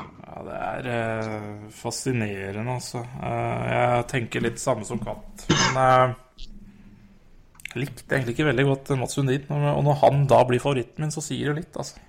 Mm. Eh, Men det var jo et ganske stusslig altså i det hele tatt Hele laget der var jo Selv når det var sånn halvbra, så det var jo ikke noe Det var ganske kjedelig lag, altså. Ja, det Det var det. Antropov og Darcy Tucker og Taidomi Brian McCabe, Thomas, Thomas Kabel kunne jeg kanskje hatt der. Og så er det sånn Keeper Kujo var jo veldig god da når han var der. Ja, det kunne. Det blir sånn, jeg tenkte, tenkte liksom litt på Dog Gilmore, men det er liksom ikke, jeg forbinder kanskje ikke han så jævla mye med Leeds heller. eh, Men litt, da. Han var jo kaptein der, og jeg kunne kanskje tatt Gilmore òg, men Ja, nei. Han er Ja. kanskje mest kjent for den livsperioden, selv om han spilte mye steder rundt. Men han var der jo, det var jo bare intenst god når han var der. Så han er jo, han var der i starten, jeg fulgte med på NRK, husker jeg. Men, eh, Ja. men han var liksom du husker han kanskje mest fra Montreal, ja. Ja. Nei, OK, jeg smeller på Dog Gilmore. Jeg, Ja. Det er noe med Sundin jeg er også ikke hæler. Eh, Han er sikkert altfor god, eller et eller annet. Jeg vet ikke. Nei, det er han i hvert fall ikke. Han har ikke vunnet en dritt. Nei, det er så mange på Toronto som ikke har gjort det, så, så. Nei, det er, nei, det er eh, jeg synes Men eh, i forhold til prestasjonen og hvor gode de var, med- spesielt med tanke på hvor lite de hadde rundt seg i perioder, så syns jeg Mats Sundin får ganske Han får altfor lite hyll, i, i hvert fall i Toronto. For det gud bedre meg. Han holdt den klubben her gående omtrent alene i perioder. Ja, og et, eh, jeg må bare ta et uh, sterkt kort igjen for Dog Gilmore. Han var vel ikke høyespilleren, han heller, eh, mener jeg husker. Så jeg også er jo litt sansen for små spillere. Så, så jeg husker han også som en liten uh, terrier. Og Ja, så var han så liten, da. ja, jeg mener du husker det. Så liten, da, jo. 1,78, sier jeg. Det er jo ikke så høyt. Ja, det er ikke så høyt, det, nei. Så det må vel gå i den kategorien, ja. Skal få den godkjent. Eh, nåværende, da. Eh, ah, faen nei. det er bare Det er jo så mye å velge mellom. Jeg, jeg tror jeg går for Morgan Riley, altså. Jeg er så glad i Morgan Riley. Artig. Den bekken er, liker jeg så godt. Jeg må si eh, ja, Nå har du jo sagt Morgan Riley, jeg liker jo han, men eh, faen meg. Det er lov å være enig, altså. Ja, han er så kjett da. Ja, nei, OK, jeg får si Morgan Riley. Um, jeg har også hatt sansen for han lenge, altså. Jeg skal variere litt og si Jake Gardner, jeg, da. Ja, han hadde jeg egentlig også litt lyst til å si. Eh, William Nylander har jeg lyst til å si. Det er Ja, ja. håpløst, altså. Ja, det er Nei. Det har begynt å bli et eh, mer likende lag enn det var. Da, for å si det. Toronto mm. Post Chanaplan er bare et kjempegøy lag. Mm. Det er rett og slett så gøy å se på. Jeg heier på Brown, og helt selvfølgelig. hm? Jeg heier på Connor Brown også, selvfølgelig. Ja, ja, ja. Eh, så da til eh, Vancouver Canucks. Her tror jeg jeg skal ta en kvatt jeg, og, og, og sjøfle litt, så jeg får, får skvisa flest mulig inn. Men mm. kvatt kan begynne. Ja. Eh, Det er, det er Markus Neslund også. Ja. Han er selvfølgelig først og fremst kjent for sin tid i Pittsburgh, Markus Neslund, men eh, han var innom Vancouver òg. ja. Har du slutta å, å legge deg ned i en ball og gråte litt og drikke litt whisky når du hører hans navn, eller er det fortsatt uh... Ja, nei, vi fikk jo Alex Stojanov, så det var, det var helt gratt trade, det. altså. Alex Stojanov. Var han tiende valg overall, eller var det femte valg, eller hva var han for noe? Det husker jeg ikke. Nei, han var høyt i hvert fall. Ja, han var, uh, han var førsterundevalg, i hvert fall. Han var Ja, ja. 16 overall. Var han så seint? Ja, 16 overall i 1991. Altså Sne- Neslund tenker du på nå? Ja, Markus Nei, Neslund. ja, ja. Nei Stø- Ja. Stojanov Stojanov var før, men, eh, for de ble bytta for hverandre et par år etterpå, tror jeg. De trada altså Markus Neslund etter at han hadde gjort 52 poeng på 66 kamper. Mot Alex Stojanov. Mm. Eh, som var, han var sjuendemann, han faktisk, i 1991. Ja, han var veldig høyt. han var foran, han. Mm, han var det. Han, eh, han fikk jo en glitrende NHL-karriere. eh, To mål på 107 kamper. Eh, Neslund var vel ikke så mye bedre. To mål på 107 kamper. Neslund skåra 395 mål. Ikke mer? Ja, det var overraskende. Altså Ikke at det er lavt, for all del, men jeg trodde Nesland hadde skåra mer. Men eh, Nei. øh, gjorde 869 poeng på 11-17 kamper. det er jo altså For all del, det er helt latterlig bra. Men eh, jeg, tenkte, jeg bare trodde han var litt høyere. Jeg legger Pavel Bure i potten på all time, for da kan jeg få med både han og eh, verdens beste tvillinger. Ja, Kult. bra, bra valg. Brød Jeg må si han deler litt, men jeg kan jo ikke dele heller. Eh, Men eh, Brød er høyt, høyt oppe. Eh, Også en ikke altfor svær kar. Skåra jo mye mål. Men, men det var en som egentlig fulgte Egentlig har fulgt Hva skal jeg si eh, NHL-interessen min om ja, 15 år, og var også så vidt innom Montreal Canadiens. Og det er Trevor Linden. Mm. Ja, også nydelig, nydelig spiller. Men altså, Paul Bure er vanskelig å komme utenom, altså. Men, eh, men Ja. for å, det, så jeg sleit mellom de to. Men, eh, men jeg går for Linden der, da. Ja. Så blir det litt eh, variasjon også. Trevor Linden er bra. Ja, som sagt så har jeg Henrik og Daniel landoverne. Det, er vel- de, altså det, det, det kan du ikke velge en, en, av, en av dem. Du må ta begge to. Det er ikke Det er ærlig sak, faktisk. Ja, nei, det er ikke lov det å ta en av dem. Jeg, jeg Ja, jeg burde like dem, da. Øh, Som spiller og alt mulig sånt, nå, men jeg vet ikke. Det er liksom Ja. Jeg vet, jeg vet ikke hvorfor det ikke har klaffa. Det er jo fine Er folk. det, og er det, er det, er det rødt hår, Kvatt? Er det rødt hår? Jeg tror det kanskje er litt sånn at det, det vært sånn åpenbart veldig tidlig at de er veldig gode. Eh, litt sånn at eh, litt, Grunnen til at jeg ikke har Conor McDavid i Edmonton, er at eh, han får på en måte nok kjærlighet. Eh, det er ikke noe fare. Eh, Ja, det, det er derfor du har Mario i Penguins òg, eller? Det kommer jeg ikke utenom, da. Det er- Nei, nei jeg, jeg vet det. jeg vet Det Det er, det er sånn det, Noen ting er bare satt. Ja, Det kommer man liksom ikke unna. jeg falt på ishockey, var jo han. Um, så jeg, jeg har en uh, helt annen spillertype i Vancouver, nemlig Chris, Chris Tanev. Ja. Ja, nei, jeg, jeg har litt samme forhold til Sirin-gutta. Jeg Altså, det handler jo egentlig mye om Vancouver har jo egentlig Jeg har ikke vært så høye på de eh, i, Sedin-alderen eller i det hele tatt. Så for meg blir det litt sånn å velge en unggutt, egentlig, og det er Bo Horvath. Mm. Ja. Det er Er det tatt av denne sesongen? det har ikke vært så verst, vel? Nei? Da må jeg klikke inn og sjekke, og det er uh, Horvath har det ganske bra, 1 på 48 kamper, ja. Ja, det er bra. Det er meget bra, det. Og ganske jevnt med mål her sist. Så lovende for Solid. 21-åringen der, altså. Veldig bra. Capitals. Ja. Eh, Der har jeg to klare Der var det ikke noe vanskelig i det hele tatt, faktisk. Jeg er veldig begeistret for John Carlsen, så nåværende ble enkel. Og historisk så var det enda enklere, Sergej Gonsjar. Mhm. Jeg har, jeg har det kjempeenkelt både nå for Alex Ovetsjkin og Alex Ovetsjkin. Det, Ja. ja, er, jeg er veldig veldig glad i Peter Bondra og Olaf Kolsig, men det var ikke tvil, altså. Ja. Han fortjener jo å nevnes av eh, en av oss tre, minst. Det blir nok to, tror jeg. Ja, Ovetsjkin er dagens uh, alltime, er det Peter Bondra. Uh, men det, var, det er vanskelig. Uh, apropos hockeykort og Olaf Kolsig, altså. Uh, med det hockeykortet han holder den der pølsa. ja. Den er Det er strålende. mye bra, den, det er mye få- bra, det er mye bra hockeykort. Altså. Eh, Apropos Kolsig, vi kan, ikke heller, vi kan ikke nevne han uten å ta med kanskje det beste kallenavnet ever. Oli the goalie. Holy the Goalie. Men Ja. eh, nå skal jeg tvitre faktisk eh, det hockeykortet med pølsa, altså. Gjør det. Ja. Det er- Jeg gjør det nå. eh, Jeg gjør det nå. Jeg gjør det. nå. Jeg gjør det. Så, så bare gå videre, dere. Eh, Jeg har altså Bondra og Ovetsjkin. Ja. Yes. Da er det siste laget, da. Winnipeg Jets, tidligere Atlanta Trashers. ja. Der har jeg Blake Wheeler. Blake Wheeler, ja. Mm.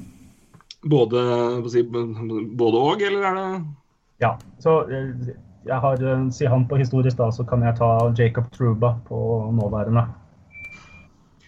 Han er vel eh, nummer to eh, på begge steder for min del. Jeg har eh, spilleren med det, apropos det vi snakka om tidligere med, med Alexander Mogilny og rått skudd. Eh, jeg har den spilleren med det råeste skuddet jeg har sett i hele mitt liv. Jeg, jeg, en release jeg knapt Jeg har ikke sett maken før eller senere. Ilja Kowalczyk. Ja. Han på sitt beste, det er eh, Han hadde skudd, han, altså. Ja, det, I det hele tatt han på sitt aller beste. Det var, eh, det var eh, omtrent ustoppelig hvis han bare bestemte seg. Det var, eh, så han er Det er synd at han én dro, og at, så, si, dro, så vi på en måte glemmer han litt. Og at han er han dermed på en måte har fått et sånt tainted bilde. For det, gud bedre og god han var på sitt beste. Så han, han får historisk sett der. Og nåværende å, vanskelig å velge et, et godt lag. Altså. Men Blake Wheeler er jeg svak for sjøl, så jeg tror jeg går for han eh, nå. Godt valg. Godt valg. Ja, mens jeg eh, legger ut eh, tweet her, så har jeg en begge deler. Det er Mike Scheifel. Jeg har så vanvittig sansen for den mannen. Eh, så det var enkelt, egentlig, altså. Ja. Blake Wheeler er herlig, altså. Men, men ja.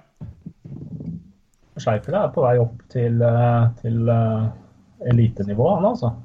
Ja, da, han har vært topp ti trade uh, lenge. Mm. Da har vi gått gjennom lista, gutter. Dette var jo uh, Tid ville det ta, det visste vi, men det har vært gøy. Ja. Vet du hva, Jeg syns det her har vært så trivelig. Eh, ja. Jeg veit ikke om det er fordi at det er de omgivelsene jeg er i som gjør at jeg kjeder meg noe jævlig, men, eh, men jeg, jeg kosa meg. Jeg satt, jeg satt, her i stad og smilte, liksom. Eh, det, er, det, er, moro. Så det her har vært en absolutt høydare fortsatt godfølelsen i magen etter Robert Svela. Så det er helt riktig. Dette har vært en toppen ting. Eh, Hockeykortet er delt på Twitter nå, forresten. Det er strålende, altså. Ja da. Det er, eh, det er, mye bra. Mye, mye bra. Ja. Helt på tampen så skal vi si, name-droppe en nydelig side som eh, vi har nytt godt av, i hvert fall jeg og Roy. Men uh, apropos sånne lister og ting som er morsomt. Sportel.com! Ja. Hvis folk liker og hvis folk syns det er artig å mimre litt og sånt nå, så er sportel.com praktfullt. Lære litt, da. En, en quiz-side. Ja. Hvor du skal fylle ut en liste eller et lag eller et eller annet. og Da skriver inn navn i et felt, og så får du så og så mye tid på deg. selvfølgelig. Det er bare å gå på sporkle.com, søke på NHL. Og bare bla til du finner en quiz du tenker er morsom, og så er det bare å prøve seg. Der er, der er det mulig å kaste bort timevis. Uh, det har jeg gjort i, i, i mange forskjellige kategorier. Uh, jeg liker quiz.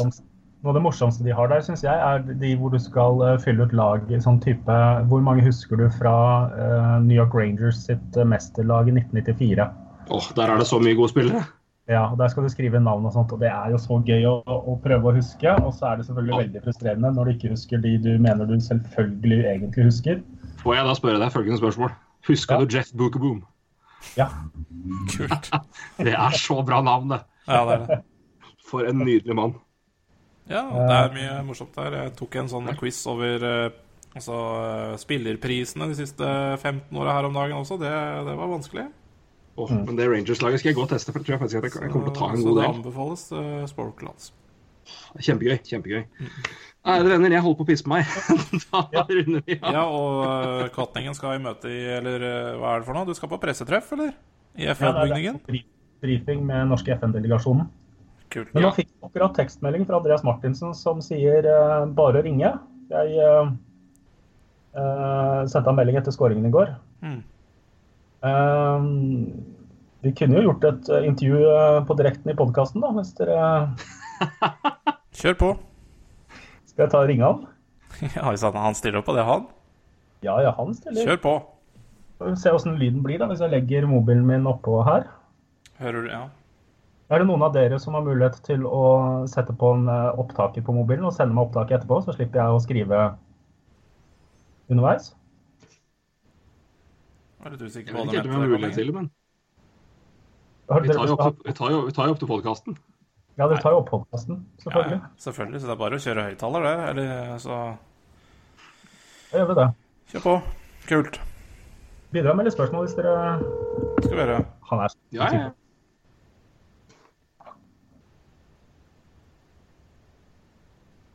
Hei, Andreas. Hei, Hei. Går det bra? Går det bra med deg? Går det bra med deg? Ja da. Jeg er på hjem fra trening nå. OK.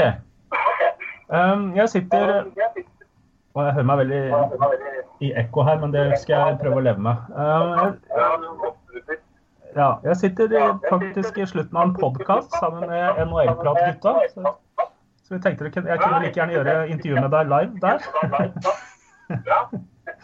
Eh, hvordan, hvor, hvor, det var gøy å se at du skåra i går. Hvordan, hvordan var det for din del? Nå hører jeg litt dårlig, men jeg.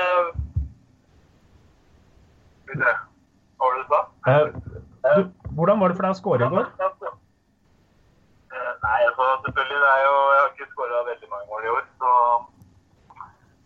eh, For egen, egen del så er det jo deilig å få et mål og det kanskje løsner litt nå framover. Og det går tungt for laget og tungt for alle, så man må bare ta med seg det lille som er positivt, egentlig. Mm.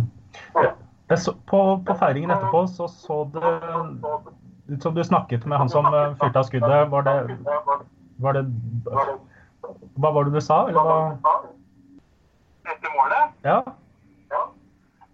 Eh, Nei, det var litt eh, artig for han uh, Sandora. Han har ikke skåret to snart. Så jeg er jo litt på han hele tida. At han ikke, ikke har skåret noe mål. Og, han har vært nære i siste.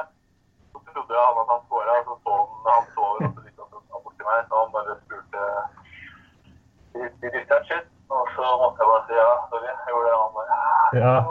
ja. Det så litt ut som du ba om unnskyldning, nemlig. Det så nesten ut som du ba om unnskyldning etterpå. Ja. Nei, så det, det er sånn det er, det. ja. Jeg har ikke, det er ikke så mange mål at jeg kan eh, gi bort eh, de få målene jeg har. Ikke sant? Ikke sant? Ikke sant? Ikke sant? Eh, Da jeg snakket med deg for en stund siden, så var du begeistret for treneren som, som ga klare retningslinjer og sånt nå. Og dere åpnet sesongen bra. Men nå har det gått så dårlig så lenge. Hva, hva er din forklaring, eller hva tenker du? Jeg hører jeg tror det gjør sånn at detter ut eh, litt. Jeg hører bare annethvert ord, egentlig. OK, jeg prøver å bytte litt på hvor telefonen er plassert. Eh, Hvor, hvordan går det altså, Hvorfor går det så dårlig for dere etter en egentlig en god start? Eh, Nei, hadde vi visst det, så Jeg vet ikke. Det er eh, Nå har det på en måte gått over så, så lang tid at uh, eh, Ja, vi kommer oss på en måte ikke ut av det. og vi, Uansett om vi har eh, Sånn som i går, har vi 40 bra minutter, men så rakner vi i tredje og gjør mye feil og spiller ikke sånn ut som vi skal. og Det har egentlig vært litt som det har vært uh, hele sesongen, uh, egentlig. At uh, vi på, på en måte gir det bort når vi, når vi egentlig har mulighet til å, til å vinne. Så jeg vet ikke. Det er helt sikkert mange forskjellige forklaringer på hvorfor vi har vært så dårlige. Men ja, det er bare sånn det er nå. Så har vi ny kamp i morgen, så får vi prøve å satse på at, eh, at vi har nådd bunnen nå. At det snur. Hvordan er stemningen i laget nå? Eh, nei, altså den er jo ikke superbra selvfølgelig, men eh, nå har vi kommet til et punkt hvor det eh, Ja, man må bare godta at eh, nå er vi, vi er sist, og sluttspill ser mørkt ut.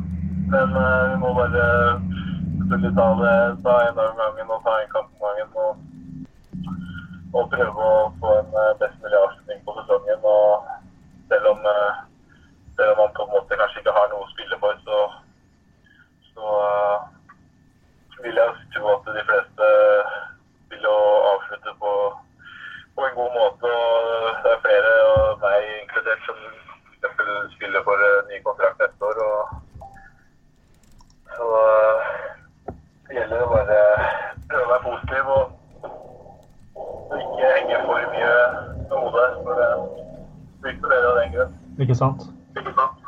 Um, Um, hvordan vil du oppsummere din egen sesong så langt, da? Eh, nei, jeg si. Det var, de hadde egentlig en ganske bra start der helt til eh, Jeg husker ikke akkurat hva det var. Det var vel i november en gang, kanskje, hvor vi hadde en, en eh, eh, vant borte mot eh, Columbus der. Så kom vi hjem og hadde fem hjemmekamper og tapt alle dem. Og etter det så har det på en måte bare gått én vei. Så det har vært helt klart en ganske tøff sesong, kan man si. Mm. Det er ikke det at vi har hatt mye skader og vi har jo hatt, hatt sånn dyrt lag egentlig hele året har bare ikke Ingenting som har fungert. og da har det sprer seg i droppen, og folk blir scratcha, og ingen har selvtillit. Og det er, det er ikke lett. Hvor, hvor, viktig er det da at du får sånne oppturer som skåringen i natt? Hvor, hvor viktig er det da at du får en sånn opptur som skåringen? Som målet? Uh, om jeg bare få gjette egentlig du skal snakke om Jeg- jeg- mitt. Ja, jeg, jeg prøver en gang til. Hvor, hvor, hvor viktig Ja. er det at du eh, får en opptur som opptur som skåringen? Ja, nei, altså for selvtillit og sånn, så er det viktig selvfølgelig. Og eh, det er ikke bare, ikke bare det ja, skåringen, men eh, nå på en måte har jeg jo jeg har vært inne litt eh, tung periode, spilt lite og vært scratcha litt. Og så har jeg fått komme inn igjen og kanskje jeg har spilt bra i de siste kampene. og vært, vært inne og spilt nå.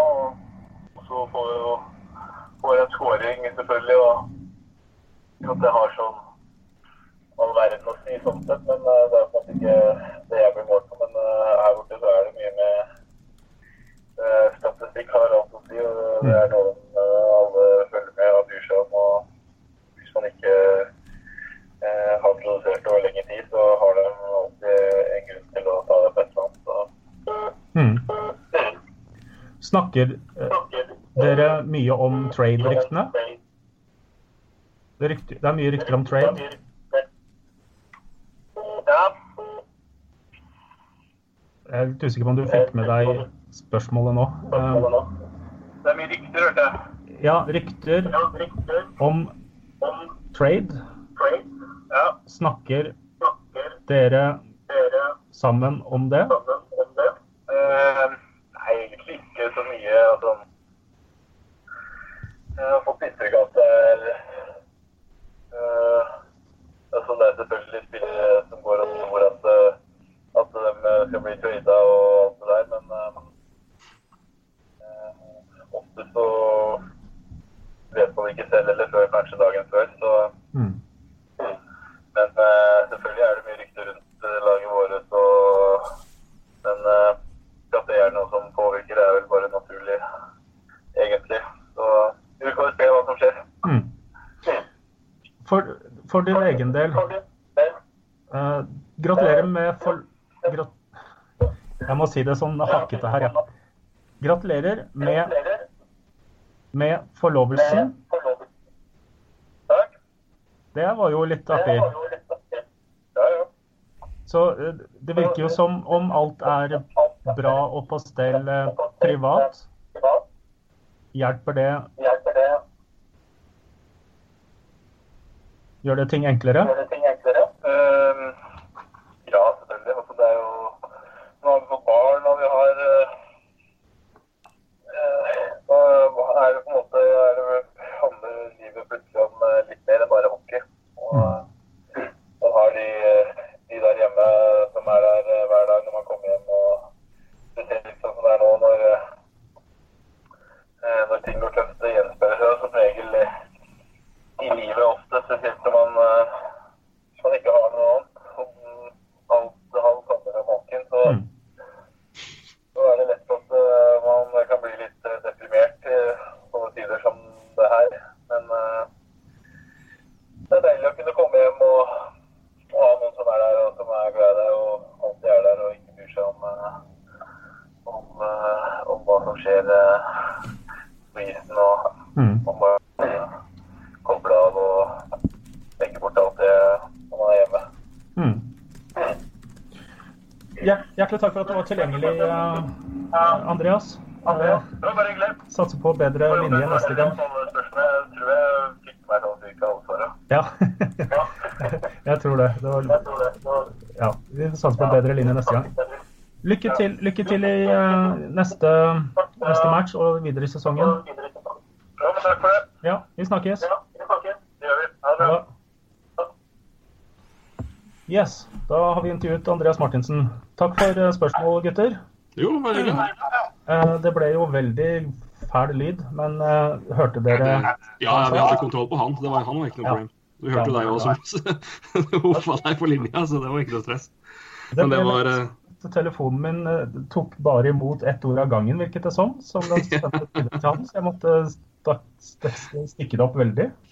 Ja, men det, Ja, det er er, det funker bra, det. Men det var veldig veldig ålreit og veldig moro å, å høre. Så øh, vi takker og bukker for, for det forslaget. Og så øh, Det er kult å ta sånne ting på sparket. Altså, det er helt strålende. Ja, det er Kjempebra. gøy. Det ikke det? Det er veldig moro. Veldig, veldig moro. Og han er så herlig vi fyr.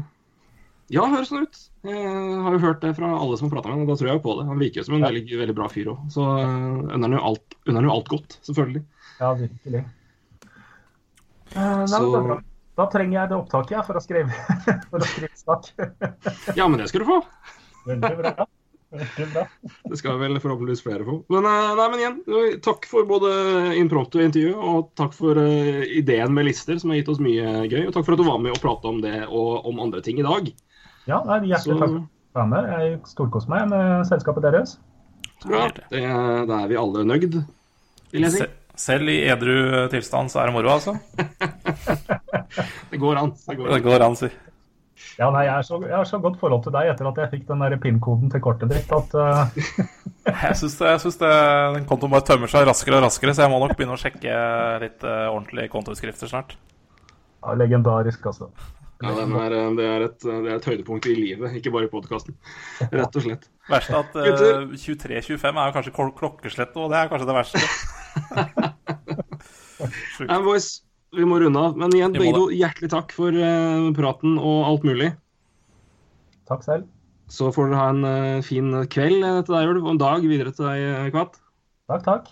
Så snakkes vi. Det gjør vi. Takk til dere som hører på, som alltid. Hei!